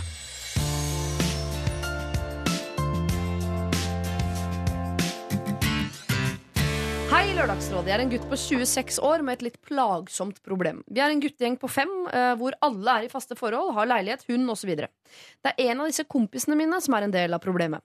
Når min kompis, som er like gammel som meg, og eh, dama hans, som er noen år eldre, er sammen i sosiale sammenhenger, en treningsøkt eller kveldsmat en tirsdag, så har de en tendens til å kline foran meg. Vi snakker ikke om nuss, som ville vært helt greit i ny og ne, men skikkelig seksuell råklining. Det smaskes og slafses med høyt volum. Dette kan skje midt i en samtale eller i en heftig diskusjon. Da kommer plutselig dama hans enten fra en annen plass i leiligheten, men eh, gjerne også fra stolen rett ved siden av, setter seg skrevs over den og råkliner i opptil et halvt minutt. Jeg syns dette er både ubehagelig og unødvendig. Hvordan skal jeg ta det opp med han eller dem? Med vennlig hilsen av Morten, 26 år. Aune? Eh, jeg syns at det er uh, upassende. Hva?! Og, ja, faktisk. Jeg kjenner deg mye Eh, dårligere enn jeg trodde. Ja, nei, um, det er litt det der, der med altså Alltid på sitt sted og, og mennesker som har behov for å liksom uh, kline oppe i diskusjoner og i alle mulige sammenhenger, de høres jo så kåte ut at de burde jo bare vært på, på soverommet og, eller oppi et tre og dundret løs på hverandre. Oppi et tre. Det, treet, det er veldig sjarr på det treet man skal dundre løs. Hva slags tre er det? De er et gammelt øh, eketre. Ja, heltre, ikke sant? Et heltre. Har du ligget med noen i et tre før? Nei, det har jeg ikke. Nei. Nei. ehm, Så det er eller fantasi? jo, nei, vent, det har jeg. Eller jo. Har jeg, det er fantasi. Veldig mye av, av mitt liv er faktisk eh, fantasi. Ja. Drømmen om, eh, om eh, å få lov å oppleve det, det overjordiske og guddommelige. Som Tenk er å- komme bakfra Ja, i en ja. plaskvåt jordbærmus oppi et uh, gammelt eketre, Ja. mens noen uh, svaler står ved siden av og titter på. Tenk så godt ekornene har det. De gjør jo det der hele tiden. De gjør jo ikke annet. Ja, Det er ekorn man skulle vært. Det er noe med naken kropp med bark som ikke er skinnbindende. tenker jeg, Men jeg vet ikke helt hva dere tenker. Er mye, mye skrubbsår her og der. Ja, jo, jo, man kan jo Nei, jeg, la oss ikke gå inn i det. Eh, klining og Man kan godt eh, Morten får jo denne kliningen virkelig sånn oppi sitt eget fjes. Ja. Eh, og det er ikke sikkert man kjenner seg så veldig igjen i det, men man har jo sittet på trikken, for eksempel, hvor folk kliner på raden foran eller bak, eller Mm. Det er noe med å se andre folk råkline. Ja, hvis ikke man, hvis ikke man har vært der sjøl, så er det litt vanskelig å forstå også, kanskje. Men, eh, men jeg kan forstå det hvis man kanskje er på byen eller sånne ting, at man er en stor gjeng, og at den ene faller litt ut, og at man da vil sitte og kline litt fordi man er berusa. Men, um, men sånn hjemme på tirsdag på kveldsmat, liksom, det er kjemperart. Det hadde jeg ikke funnet mye heller, tror jeg. Men hvorfor gjør du det? Jeg syns jeg aner at vi her har med en eh, dame som har funnet metoden hun skal bruke når typen er i ferd med å si noe dumt. Da går hun bort og bryter inn, setter seg over og begynner å kline og tenker der redda jeg hvert fall den situasjonen, for nå skulle han rett, da er det rett før han skulle til å si noe høyreekstremt. Eller Ja, altså ja, ja, ja. At det er en teknikk hun bruker. I så fall er det bra. Ja, I så fall så er du helt topp. Uh, jeg er jo litt sånn, jeg tror kanskje jeg kategoriserer råklining og skræv sitting som seksuell handling. Ja. Eller i hvert fall preseksuell handling. Mm. Eh, og for meg så eh, syns jeg folk skal ha godkjennelse før man gjør det eh, foran andre. Hvis du skjønner hva jeg mener? Det er altså, kan- mange som liker å se på andre gjøre sånne ting, men da bør man, man kan bli det enig ikke om det. være at de en- kanskje har lyst til å ha med han i et eller annet? Ja, ikke sant? For da At det er begynner liksom indirekte invitasjon til eh, Skal vi Se så deilig dette er, vil du være med, aktig? Det, kan, det er veldig tysk, men det er eh, Tysk? Ja, det er litt tysk. Er det det? Eh, men det vil han jo. Morten ja, vil jo være- tydeligvis ikke det, da. Nei. jeg, jeg hadde hatt lettere med Uh, om de eh, på en måte uh, tok den helt ut og, og rett og slett uh, eh, Altså knulla. Ja. Det hadde jeg syntes. For den derre den der slafsinga sånn, det, det, det blir for Ja. jeg, jeg er en sånn litt sånn blyg type som, som vil at når man sender ut så sterke følelser som å slafse på hverandre, så er jo det Så handler jo da er det jo kjønnsorganene som er i bevegelse. Ja. Og, eh, så jeg hadde syntes det hadde vært bedre om de bare rett og slett hadde dratt av seg buksene og dundra løs, og Så så du. gått videre i diskusjonen. ja. Bli ferdig med det, på en måte. Eller, ja. Eh, jeg vet ikke om det er en løsning Morten er fornøyd med at han skal foreslå fordi at de bare skal ligge med hverandre istedenfor. For det han faktisk spør om Jo, råd men- til her, er hvordan jo, han skal ta opp med disse folka At han vil at de skal Jeg slutte å syns ikke det var så dumt. Jeg kan dere ikke bare ligge med hverandre? For Det sender jo det tydelige signalet at det Ja. er nesten det dere gjør, så nå må dere enten bare gjøre det eller slutte. Eller så altså, get a room, liksom. Ja. Og så bare bruke den kommentaren. Fordi det sier jo alt, og så trenger man ikke si Sitte da og liksom du, 'Unnskyld meg, jeg vil ta opp noe jeg vil ta opp med dere', men altså være litt ironisk og eller ja. At man tar det opp med humor. At de sier sånn 'get a room' neste gang Ja, ja. de begynner å Men da ser jeg for meg at hun dama, som jeg nå allerede gitt langt mørkt hår, hun slenger på håret sånn, så ler hun sånn Og så fortsetter hun å kline. Ja, men da, da må du bare fortsette. Da sier du bare sånn Jo, men jeg mener det. Ta av deg buksene nå. og Begynn å ligge med han her og nå. Da bare, Vær streng. Kjør på. Ja. Se om de tar utfordringen, Det- eh, eller skjønner poenget. Den formen for, for klining eh, tror jeg handler om at hun vil eh, markere seg og, og bestemme og, og bryte inn og sånne ting. Og, og kanskje ikke har så mye med, med rett og slett kyssingen å gjøre. At hun vil kontrollere. Det tror jeg kan være en, en grunn. Det er ett forslag som ikke har kommet opp ennå, som jeg syns selv Jeg ville aldri ha brukt dette forslaget selv, men man, jeg kjenner jo ikke Morten, som her har sendt inn uh, mailen, så kanskje han er den typen. Hvis disse til stadighet uh, kliner foran han og sitter over skrevs og på en måte har denne presex-akten som de jo driver med Hvis Morten da drar fram sitt eget lem og begynner å uh, nappe lite grann i det, litt, ja. så får hun si fra sånn Oi, oi, oi, nå ble jeg kåt. Så vil jeg tro at den situasjonen blir så klein at de slutter ganske fort med det. Ja. At han bruker det som en slags pornofilm. Bare pass Men en liten kommentar sånn, ja, når vi først driver med private ting, så Ja, ja, ja. hvorfor skal ikke jeg få lov, liksom? Men pass deg hvis du for eksempel da er på restaurant eller lignende, så kan hende du blir arrestert, og de kommer unna med det. altså, Og så er så privat er det ikke å kline. Da. Det er jo bare på en måte å vise hverandre at man er glad i hverandre. Men selvfølgelig det er forskjellige former for det også. Men det, har, det trenger jo ikke å være seksuelt, vil jeg tro. klining. Nei, det er jo ikke det. Det er bare noen som liker å kline bedre enn å kysse, f.eks. Jeg har jo ikke lyst til å ligge med kjæresten min hver gang jeg kysser han Ikke hver gang, men eh, en eller annen gang har du jo det. Eller altså, det er jo på en måte Du, vil, du ville vel ikke klina med noen som du aldri kunne tenkt deg å ligge med? Nei, men dette, de er jo kjærester. Ja da. Ja. Eh, Jeg syns det er enormt kleint. Jeg sier fra til alle venninnene mine som hører på nå, hvis noen uh, gjør det fortsatt. Uh, jeg syns det er kjempekleint å se venninner kline. Også på byen i fylla. Jeg må gå. Jeg må gå. Jeg kan ikke se gode venninner av meg kline. Det syns jeg er ordentlig, ordentlig privat. ja, Linnea, du er litt mer sånn offentlig kliner, du. Du eh, liker dette her, du. Nei, ikke altså, Når man er nyforelska, så er det jo sånn. Jo da. Gjerne. Og Og det, det er jo noen og det, ganger- syns, ja. og det syns jeg man skal få lov til, altså. Men eh, da er det jo bare å snuse vekk, da. Hvis du og Sondre sitter og kliner en dag eh, på teaterkafeen, og så drar Ken fram eh, Lemmet. pølsa og begynner å Hva gjør dere Hvordan da? ville du ha reagert da? Tror ikke du har vært med på neste Tror du ikke det? Nei. Neste gang på Theatercaféen, så nå må jeg sitte alene.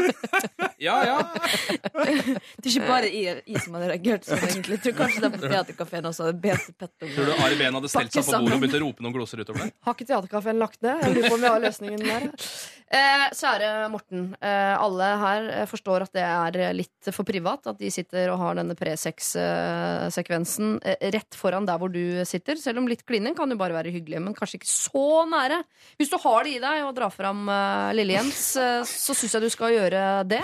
Mm. Eller noen små kommentarer om at det skal få seg et eget rom, men ikke gi seg der. Ikke bare la de slippe unna med en latter, men være litt sånn hard på de beskjedene der om at dette her, nå må dere faktisk få dere et rom. Altså, ja, men nå mener jeg det må dere faktisk få dere et rom, og ikke gi det før de faktisk får seg dette rommet.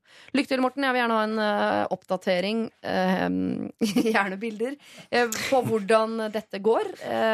Hva velger du å gjøre? Hvordan gikk det egentlig? Og så videre. Send det inn til samme mailadresse lralfakrøll.nrk.no.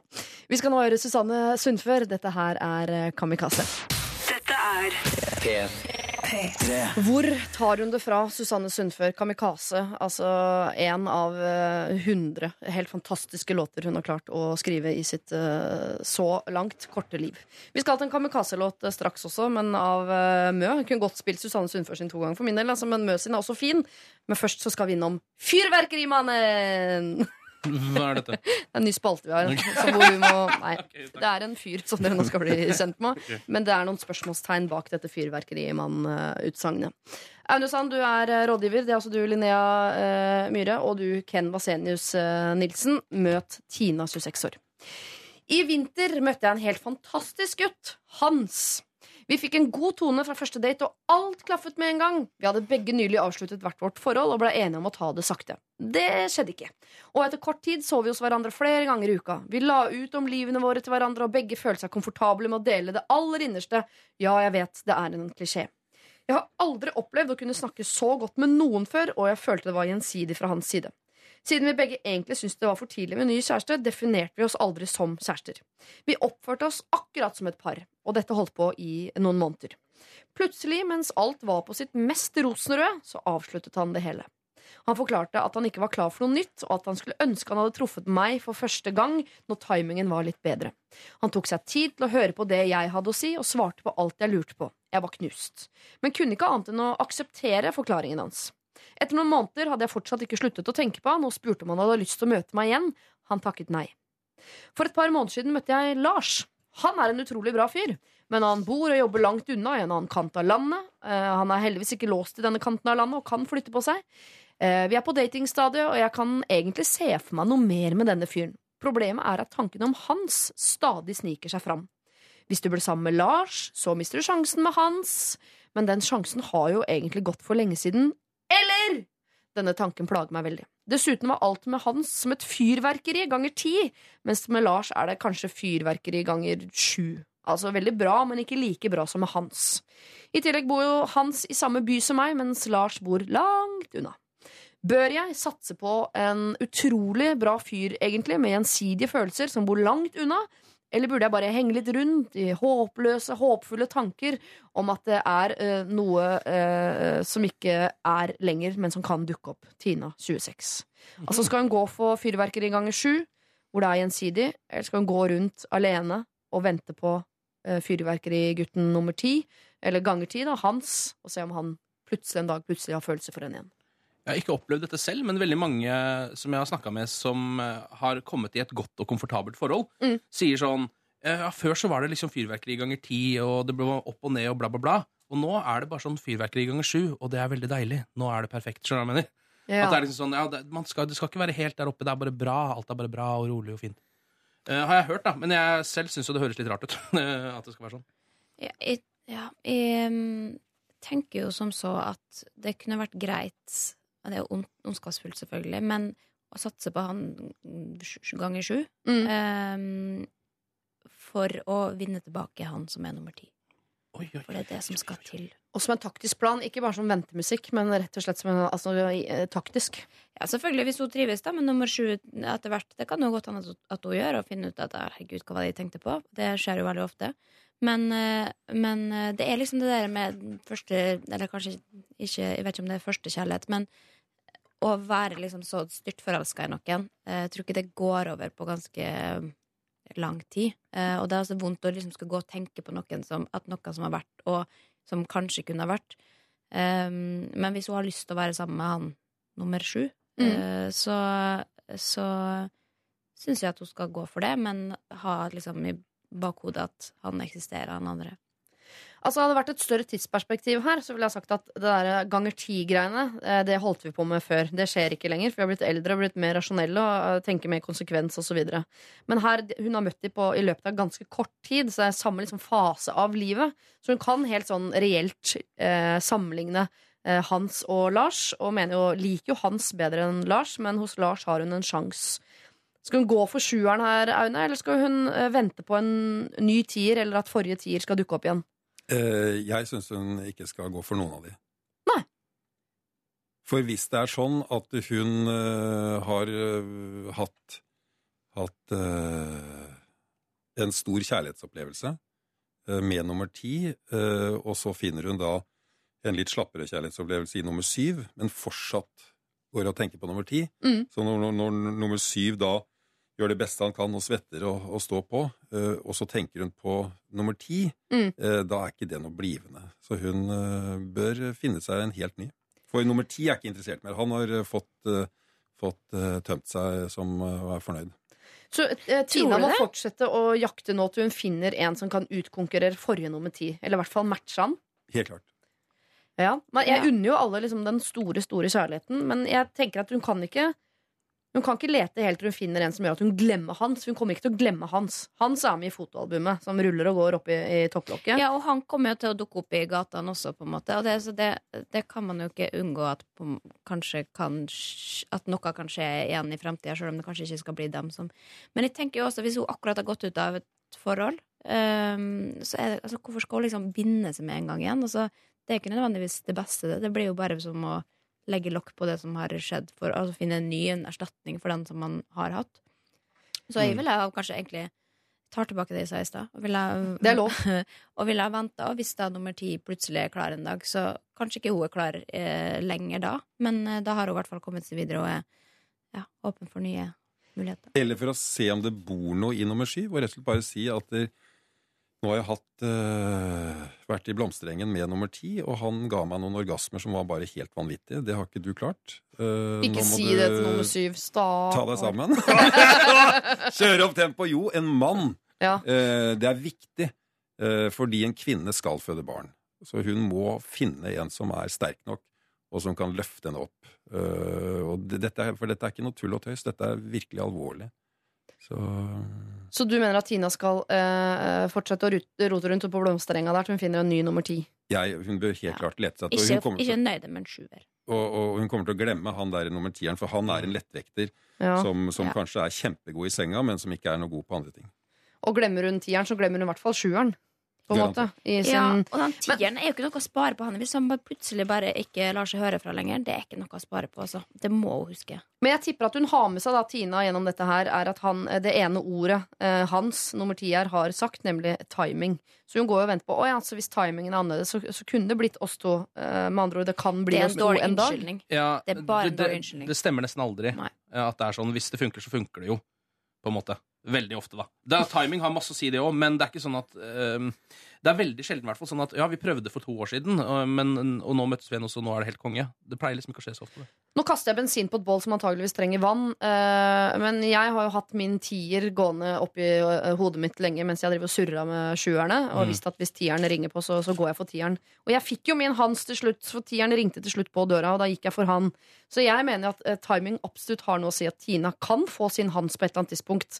Men det betyr ikke at hun skal gå rundt eh, og, og vente og ikke gjøre noe annet. For det kan godt hende også at han her, Lars, blir Eh, tieren, det vet man ikke. Jeg bare tenker at hun skal Men Jeg syns Tina gjør noe her som veldig mange gjør. Hun problematiserer noe som kan komme til å bli et problem. Hvis du har det hyggelig med Lars nå, så har du det hyggelig med Lars nå.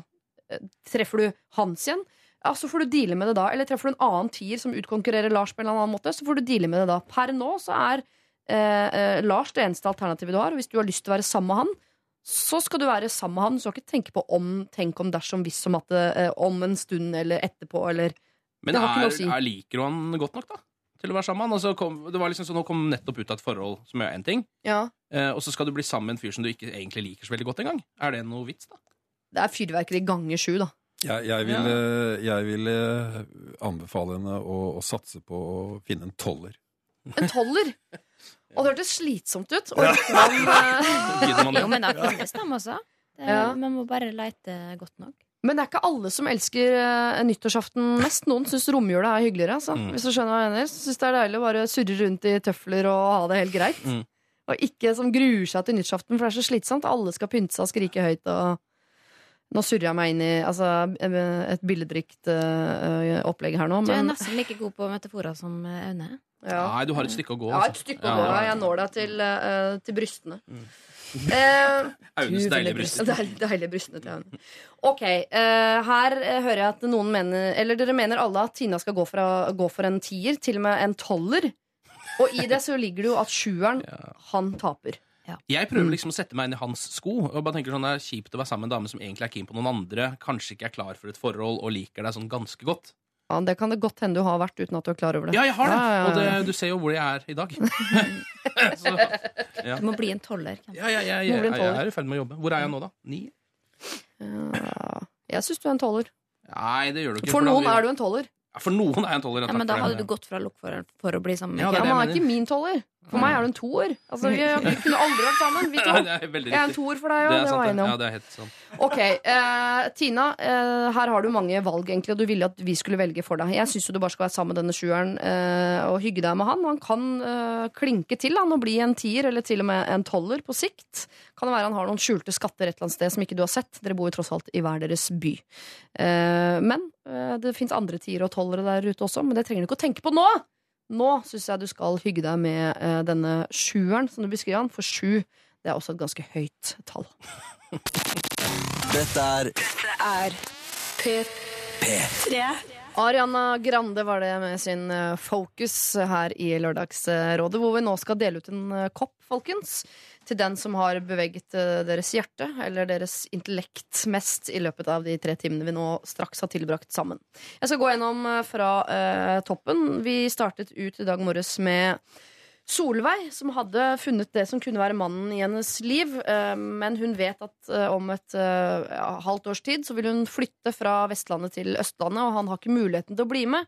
Fordi han har en, et barn fra før og er knyttet til Vestlandet i all overskuelig framtid. Så har vi Sara B, eller Sara Bernard, som jeg velger å kalle henne, som er en ung lesbisk kvinne som nå skal på uh, tur med en eldre kvinne, blant annet. De skal på en fotballcup eller noe. Hun har muligheten til å dele dobbeltseng med denne gode venninnen sin, eh, men hun vet ikke om det er så lurt, for hun er egentlig forelsket i henne i skjul, og vi ba henne skaffe seg et enerom. Eh, Det er egentlig en setting vi har brukt flere ganger i dag, at folk må skaffe seg et enerom. Jeg kommer tilbake til det. Så har vi denne datekassa, da, som ikke dere falt pladask for. Tiril og Eivind, et uh, par uh, som har innført datekassa, hvor de legger penger i ny og ne som til slutt skal gå til en eller annen veldig koselig date, og lurte på hvordan de skulle skaffe penger til den kassa. Vi avskaffet vel den kassa i større grad enn skaffet penger til den.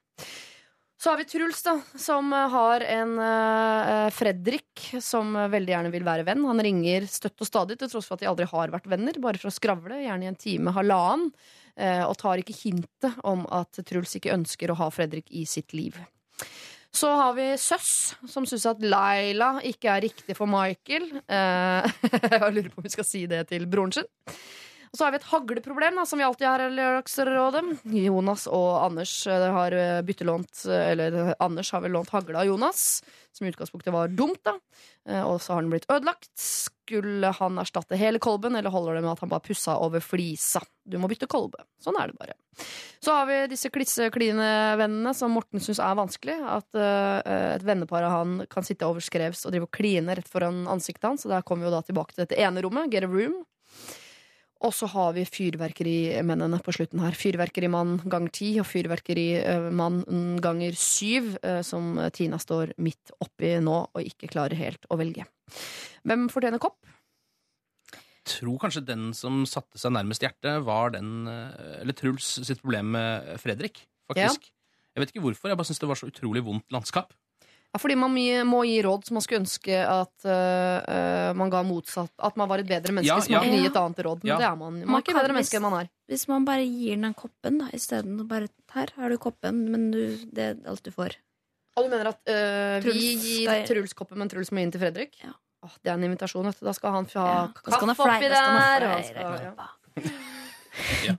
Det er, jeg heller litt mer mot det siste problemet, med kjærlighets... Um, hun som hadde blitt dumpa, og så var på Fyrverkerimannen.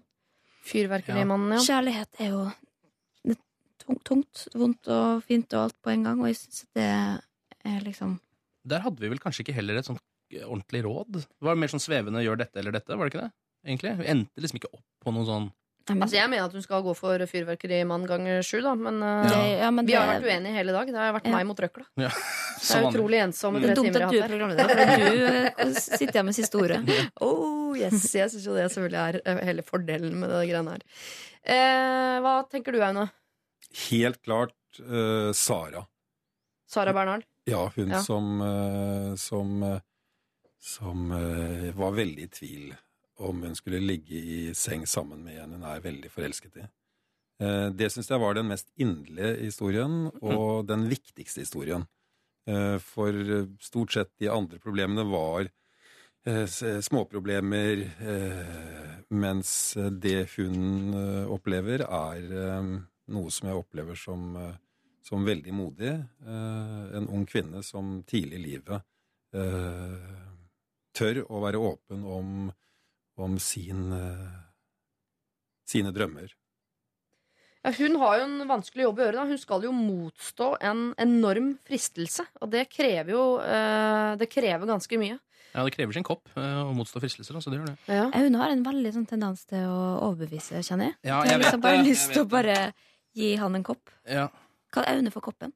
Aune kan få en kopp. Aune kan absolutt få en kopp. Eh, men eh, vil det si at Aune har overbevist også dere om at Sara Bernard skal få en, eh, en kopp? ja, Ja. jeg tror det. For det handler jo om kjærlighet der også, så på en måte da ja, det, Da vinner jeg. Sara, du får Lørdagsrådet sin eh, kopp. Du skal bo på enkeltrom og ikke dele dobbeltseng med kvinnen du egentlig er forelsket i. Men det ble også eh, snakket om her under en låt som dessverre ikke du fikk med deg. At det du jo også kan gjøre, hvis du virkelig er tøff, er å fortelle venninnen din hvorfor du velger enkeltrom. Si at egentlig så har jeg følelser for deg, men vennskapet vårt er eh, viktigere, så jeg må rett og slett velge å bo på enkeltrom og ikke dele dobbeltseng med deg av respekt for det vennskapet vi har. Hvis du tør det, Sara Bernard, så skal du få jammen meg en sixpack med Lørdagsrådet-kopper. Men nå, eh, først ut, får du da altså én. Tusen takk, Aune Sand. Tusen takk, Ken Vasenus Nilsen og Linnea Myhre, for at dere var rådgivere her eh, sammen med meg i eh, dag. Ha en fortreffelig lørdag videre. Tusen takk. P3 Dette er Lørdagsrådet på P3. P3